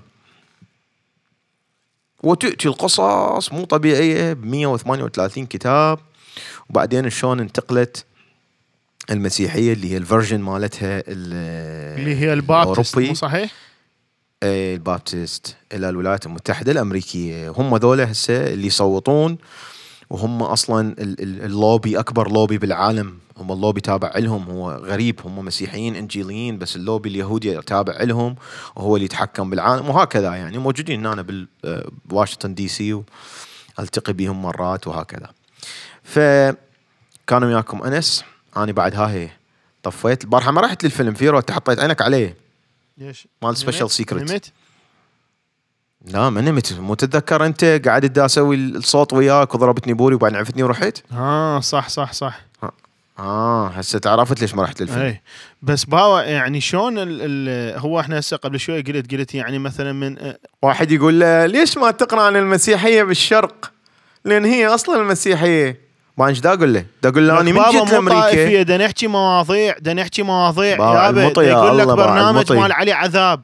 دا يقول لك واحد راح لل- للفلوجة الفلوجة أكثر شيء بيها لا بيها جامعات لا بيها مستشفيات لا بيها هي مستوصفات. مشهورة هي مشهورة بمدينه مدينة, مدينة المساجد. الجوامع. وهذا يربط أخوه. برا بالهاي. شو تريدني يعني أنا تريدني أقدس هالفلوجه يعني شنو مدينة مساجد؟ ما بيها مستشفى مال اوادم ما بيها مستوصف مال اوادم ما بيها جامعة مال اوادم ما بيها مكتبة بيها دو- كتب علمية تفيد المجتمع. كنت أنا ما أعرف عن المسيحية بالشرق؟ شنو- شنو أقول لك دخل من جيت لامريكا ردت أدرس عن المسيحية عن في أمريكا. ولماذا لم عندما دخلوا الشيش الحامي في نقبل السيخي لم تتكلم عنه؟ شو له دخل هذا بابا؟ شو له دخل هذا؟ لماذا لم تتكلم عن السيخي عندما دخلوا له شيشا في نقبه؟ لأنني لم أتكلم عنه لأنه ال- الفيديو اللي هو شافه. حتكلم له لحظة لحظة حتكلم له حتكلم له. في يوم من الأيام دا أمشي أني آه، ظليت أشهر في النيبال طبعا أنا رايح بالجواز العراقي إلى 29 دولة. وبال آه، ما أنسى بنجلاديش ضربوني بالقندرة لما طلعت لهم الجواز العراقي. فاشتريت ماطور وعبرت الحدود بدون فيزا وبدون جواز إلى الهند بطريقة غير شرعية. هسه أقدر أقول إن جوازي أمريكي ما يقدرون يسوي شيء. لبست نيبالي وحطيت النقطة وتعلمت لي كم كلمة ودخلت بالماطور مالتي الأصفر الياماها طبعا أنا ما أحكي إذا ما عندي صور وفيديوهات ما أحكي. زين فدخلت ودخلت من شمال الهند جبال الهيمالايا إلى جنوبه. وبعدين رحت للصحراء وتعجبت أنه يشربون شاي بالإستكان ويقنبصون بالحر. مثلنا يعني شلون إحنا نقنبص نقعد؟ فشفت أنه هذول هم هند هنود شكلهم هنود بس هم عاداتهم طبايعهم مثلنا لأنه الجو صحراوي ولأول مرة أحس أنه الناس الجغرافيا هي اللي تتحكم بهم مو أوطانهم أم هم مين. فالهند كانت فقيرة جدا. وفي يوم من الأيام وأنا مع صديقي هاري اللي يحكي نيبالي بس يحكي أيضا هندي. هي اللغة الرسمية بس الهند بيها أكثر من 300 لغة. فنمشي نمشي نمشي نمشي هاري يساعدني بال بال بالحكي. فدي يوم وصلنا القرية قام هاري ما يعرف يحكي قلت له شنو؟ قال لي مو ذولا ما يحكون هندي اتش اي اللغة الهندية شو يحكون؟ قال لي ما أعرف لغة ثانية بس بهذا ال ال ال القرية هاي القرية بيها فد قلعة عملاقه موجودة على آه، أعلى التلة وياي فيرو؟ اي قلت الله هاي شنو هاي كانت القلعة مال الملك؟ فما أعرف شلون يعني دا أشوف هاري يعني قام ينغنغ بي إنه لا تحكي. اي يابا شنو القصة؟ اي قال لا تحكي لا تحكي. قلت لهم ما أعرف يعني المدينة دينها طافر بس القلعة بيها جميلة جدا. وإذا بأن القلعة يجلس فيها الإله مالتهم والإله هو قريد. وأكو نوعيتين من القرودة. أكو قرودة الممسوخين مو هو الإله القرد مالتهم عنده المجموعات الوقحه فالمجموعات الوقحه هم القرودة اللي يروحون للماركت ويبوقون. إيه. والقروده المرتبة هم النظيفين ويسبحون وما أدري شنو يعني أب أبوهم وأمهم لهم كرامات يعني فمو أي قرد إيه يجي يعني يقول ش- اني القائد. يعني ذولاك شيطانيين أكثر. إيه. فبالنسبة لل... لل... للقرد الرئيسي يجون أهل المدينة طبعا تقدرون تروحون للهند وعندنا أصدقاء موجودين بالهند وأعطيكم اسم القرية هاي. إذا ما اتذكره يعني اسمه بالهندي بس عندي صور بيه وهذا. ف آه، أهل المدينة لازم يطلعون جزء من الأكل الراتب الفلوس كل شيء شيء يطلعوه. لازم يطلعون على صفحة يحطوها بصندوقته صندوق. يحطون بيه هاي الفلوس اللي هي 5% مو 20% 5% فقط. طلعون 5% يحطوها بالصندوق ويأخذون هذا الصندوق وتشوف أنه أهالي المدينة يصعدون إلى هذه القلعة ويوصلون الأكل إلى القرودة لهناك. وعندهم قرد رئيسي حبيبي. وهذا القرد الرئيسي لهناك. يعني أكو قرودة رئيسية وأكو قرودة آه، فرعية. ذولا القرودة المنشقين اللي هم ماكو سلبوا ويبوقون بال شو اسمه؟ إيه. يبوقون. اي فالمهم يوصلون لهناك ويعطون آه، سلاماتهم ويبوسون التاير مال القرد ويبوسون إيده للقرد ويبوسون هذا. والقرودة جميلين هناك رحت زرتهم أني. طبعا لازم تسجد لهم للقرودة أنا ما أعرف شلون يعني طلعت من عندها أنه شلون أسجد للقرد لو ما أسجد للقرد إي. وأهل المدينة كلهم يعبدون هذول القرودة اللي عايشين بالقلعة. وتشوف أنه المدينة ربها طافر. بس الق- ال- القلعة جميلة جدا. وكان معانا مصور من البي بي سي صور كل شيء بس صار زلزال في النيبال وكانت ال tapeات كان tape مال الفيديو آه اندمرت. آه عندي لقطات بسيطة وعندي صور. وفي يوم من الأيام اني رايح من نيويورك إلى الكويت وعلى الطيران الكويتي. وأشغل لك التلفزيون اللي موجود بالطيران الكويتي. شعلي هسه أقول لكم؟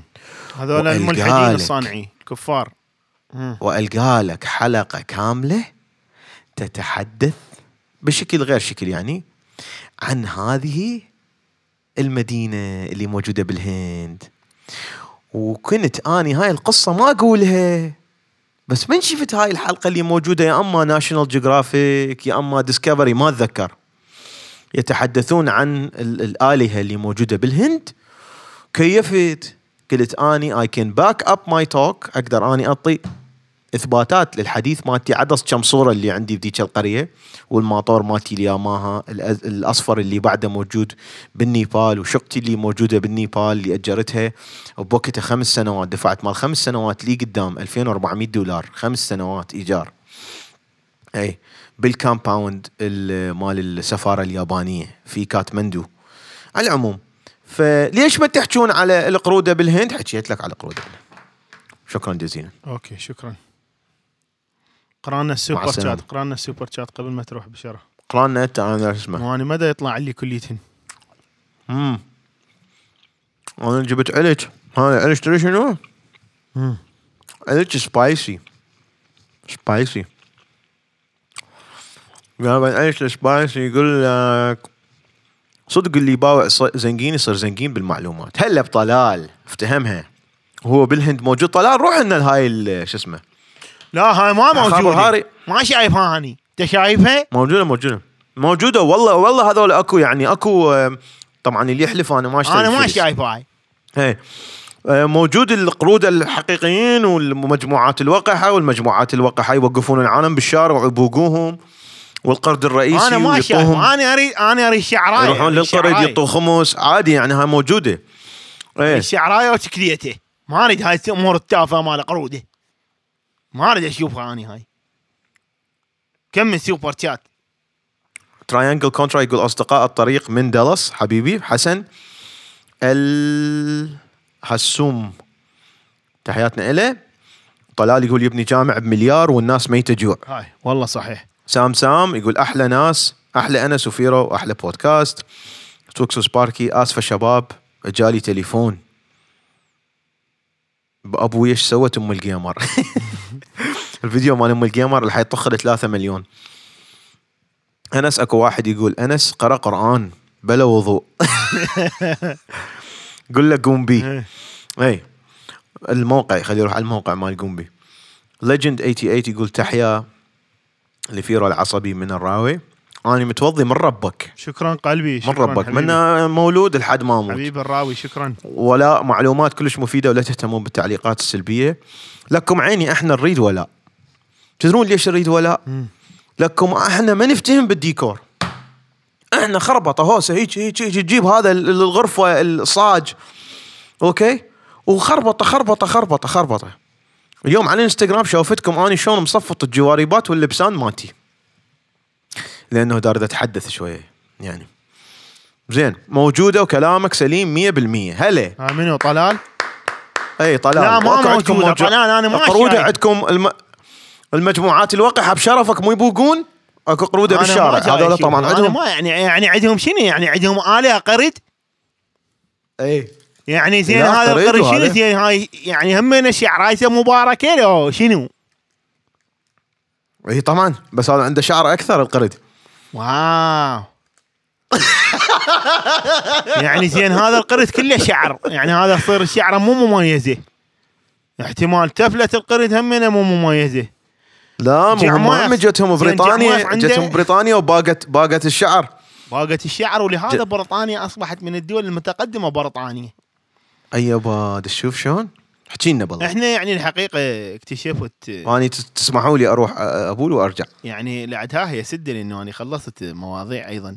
بس احكي لنا لا لازم تحكي لنا. الحقيقة انه حبقه قاعد يعني نعم. شوفه الذي حدث في الآونة الأخيرة.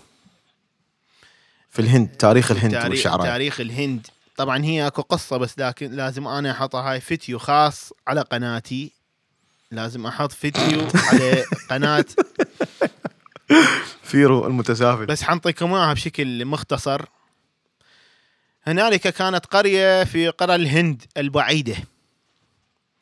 وفي هذه القرية كان هنالك عرافة وعالم يعني يعتبر.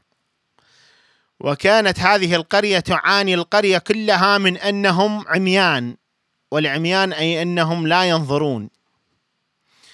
فطبعا يعني قرية كلها وعميان فمليوصة. يعني واحد يخرب حلق الله مع احترامي فالحقيقة أنه الذي حدث في هذه القرية بسبب الخطأ الجيني لأحد المتسافلين الذين قاموا بالعملية الحمومية. واو. عندما قالوا بالعملية الحمومية جلبوا طفلا. والذي حدث أنه هذا الطفل يملك بصيرة أي أنه ليس أعمى. وأنتم تعرفون كما قلنا بانها القرية كلها عميان. فالذي حدث أنه هذا الطفل الذي يملك البصيرة بدأ بمشاهدة أمور غريبة. لأنه هي مثل ما قلنا قرية مال عميان فيشوف واحد يركب فوق اللاخ واحد يدعم ويا اللاخ. آه، ما يعرفون الألوان ما يعرفون الشمس ما يعرفون القمر ما يعرفون الليل ما يعرفون النهار ما يعرفون الأمور الكيميائية ما يعرفون الأشجار ما يعرفون الحصاد ما يعرفون كل شيء لأن هم كلهم عميان. فبدأ هذا الطفل بملاحظات غريبة عجيبة. يقول لهم لماذا تمشون هكذا؟ امشوا هكذا. ولماذا تشربون الماء بهذه الطريقة؟ بل اشربوه بهذه الطريقة لأنه هو يعتبر تنور يعني. أصبحت لديه البصيرة بسبب خطأ جيني بعد إجراء أبوه وأمه العملية الحميمية وإجرت هذه الولادة البشعة تعتبر في هذه القرية بالنسبة أنهم كلهم عميان. الذي حدث أنه أمه وأبوه قلقوا من وضعية هذا الطفل. حيث أنهم قالوا أن هذا الطفل دي يتصرف تصرفات غريبة جدا عن بقية القرية. جبتكم سكوش؟ ها؟ جبتكم سكوش؟ يابا مو إحنا بالقصة. فهذا الطفل حبيبي فتولى الله بدأ يتصرف بتصرفات غريبة جدا مختلفة عن بقية القرية والسبب أنه يرى والبقية لا يرون. طبعا تحية لسكويش هذه القطة إيه. المتواجدة في هذا المكان طيب لابسها جني مو؟ نعم هسه إحنا نشوف آه، نزلت المهم. فقرر الوالدان أن يأخذوا هذا الطفل ويذهبوا به إلى العراف والعلامة العلوم صاحب التكليت المبارك وقالوا له بأن يعطيهم تكليته لكي يتشافى هذا الطفل. فقال لهم من مشكلة هذا الطفل؟ فقالوا بأن قريتنا كلها طبعا عميان ونحن لا نرى شيئا ولكن هذا الطفل إنه يرى أشياء غريبة ويحدثنا عن أشياء غريبة ويقول لنا بأن هنالك ليل وهنالك نهار وهنالك ألوان. فنظر العرافة العلامة إلى اليمين ثم نظر إلى اليسار فقال لهم إن طل التكليت كله ما يفيده هذا وتفال السيد كله ما يفيده. ومخطان السيد كله ما يفيده؟ وشعر النقب كله ما يفيده. وشعر المفرق بين خلفية السيد كله ما يفيده. فقال له شنو القصة؟ قال حدثني بأن هنالك ناس يأتون إلى الحياة يملكون دعبلتين في وجههم ويقصد العينين. وهذه الدعبلتين هي البصيرة. وهذه البصيرة هي كارثة بشرية حيث أن كل من يملكها سوف يواجه مصائب في الحياة خاصة في قريتنا قرية عميان. فقالوا له تأكد يا, ما يا عرافنا تأكد يا علامتنا. هل إنه فعلا يملك هاتين الدعبلتين التي يرى منها البصيرة؟ أم إنه متشابه مثلنا عميان لا نعرف شيئا في الدنيا ولا نرى شيئا في الحياة. فقرب يديه يديه على وجهه للطفل وإذا به يلاحظ دعبلتان موجودتان في وجه الطفل. أيوه. فقال كل البلاء من هذه ال- ال- العينان. كل البلاء من هذه البصيرة. لهذا ه- هذا الطفل يرى أمورا نحن لا نراها ويعلم أمورا نحن لا نعلمها. لأنه يقرأ كتب ومتنور وعنده بصيرة. فقرر العرافة العلامة العلوم صاحب تل التكليت المخبوط بالمخطان وشعر السيد من الخلفية من المفرق عند النقب. قرر بأن يفعص وجه الطفل ويدمر عيناه ويدمر بصيرته. حتى يصير مثلهم مؤمن بصيرة. بالطفل بعد أن ذهبت عيناه أصبح متشابها مع بقية أبناء القرية. هسه شغلت لك موسيقى أريدك تحكي لنا شوي. وأصبح لا يرى شيئا. الموسيقى اللي تسمعها؟ وأصبح متخلف. كالمتخلفين الباقين. وهذه وضعيتنا دا اسمعها كل زين عالي واضح. كمل يا عين سوينا سيادة الرئيس اليوم؟ نعم. سوى. وأصبح هذا الطفل مثل بقية الأطفال. لا يعلمون شيئا.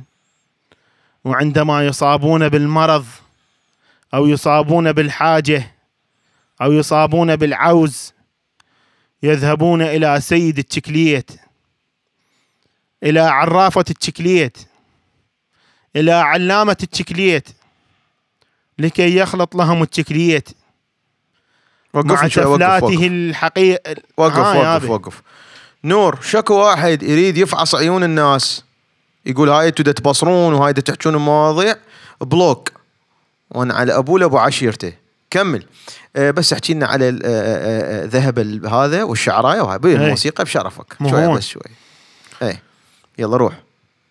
فأصبح الطفل مثل باقي الأطفال لا يرى لأنهم اقتلعوا عيناه وفعصوها من وجهه.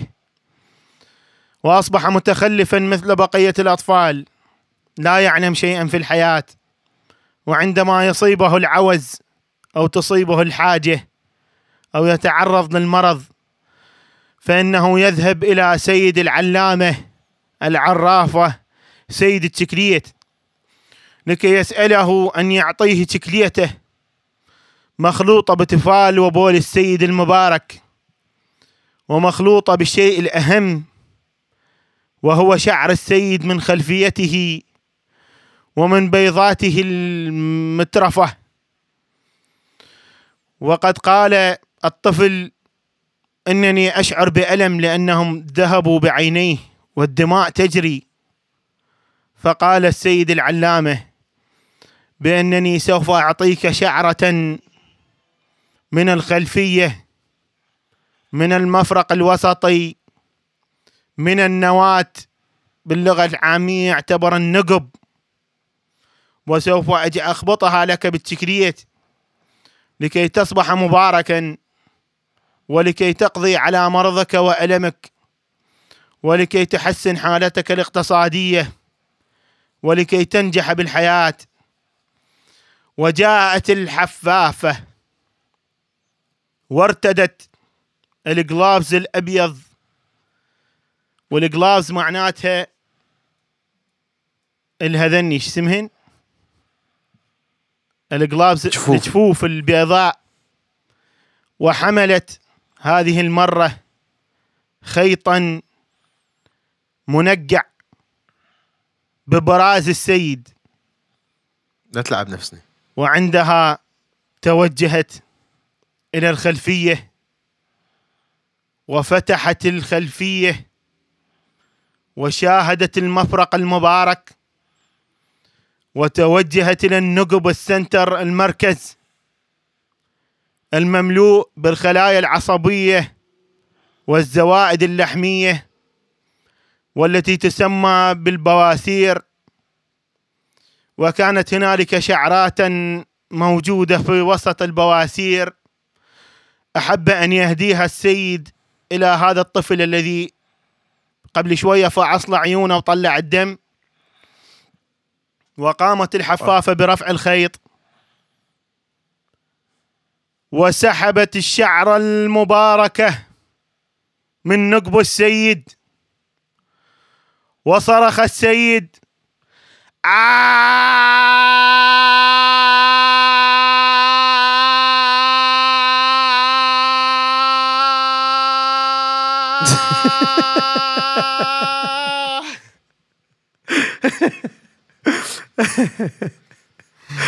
لا بعد يا. لا لا مو الوالد يقول ليش حكيت على المتابعين بابا شلون حكيت على المتابعين يعني معقول أنا أجي أحكي على المتابعين فيرو دا يحكي قصة دا يقول إنه واحد كان عنده بصيرة فقالوا هاي المشكلة كلها من عنده لأنه هذا عنده عيون هي هاي المشكلة وهاي البصيرة هي تمثل الكتب المعرفة. فأكو تعليقات شو تقول؟ دا تقول أنتم طائفيين. لأن شو تريد تحكون على القرد؟ والله دا أحكي على القرد أكو قرد حقيقي عمي روحوا على آه، طلال هسه إنستغرام. قال صحيح. زنقين زنقين بودكاست. زنقين بودكاست. زنقين بودكاست. تروحوا لهذا الانستغرام حنزل لكم صور. ما أدري إذا ألقى مالتي لو لا وإذا ما ألقى حجيب من الانترنت صور القلعة والقرد والمجموعات المنشقة اللي كانوا ويا القرد وطلعوا من عنده. فالقصة كلها إنه شلون أكو بعض الناس يكتبون طلال بشرفك سوي لنا فيديوهات عيوني أروح لك فيديو أنا وعشيرتي. دا يقولون إنه أنتم رجعوا إلى فيديوهاتكم القديمة ليش بالطائفية؟ زين دا أحكي لك معلومات فهذول اللي هو بالضبط القصة عليهم إنه هم يقولون أس المشكلة من هذا الكتاب، أس المشكلة من هذا البودكاست، أس المشكلة لأنه هذا دا يعلمنا، أس المشكلة لأنه هذا عنده بصيرة ودا يشوف، لازم يصير مثلنا أعمى. فاللي دا يجي وما دا يفتهم القصة ودا يكتب ضدها وكماله دا يسب شو أسوي له يعني؟ شو أقول له؟ شو أقول له؟ جاوبني فيرو شو أقول له؟ آه. تحياتي للجميع أموت عليكم يلا مع السلامة آه.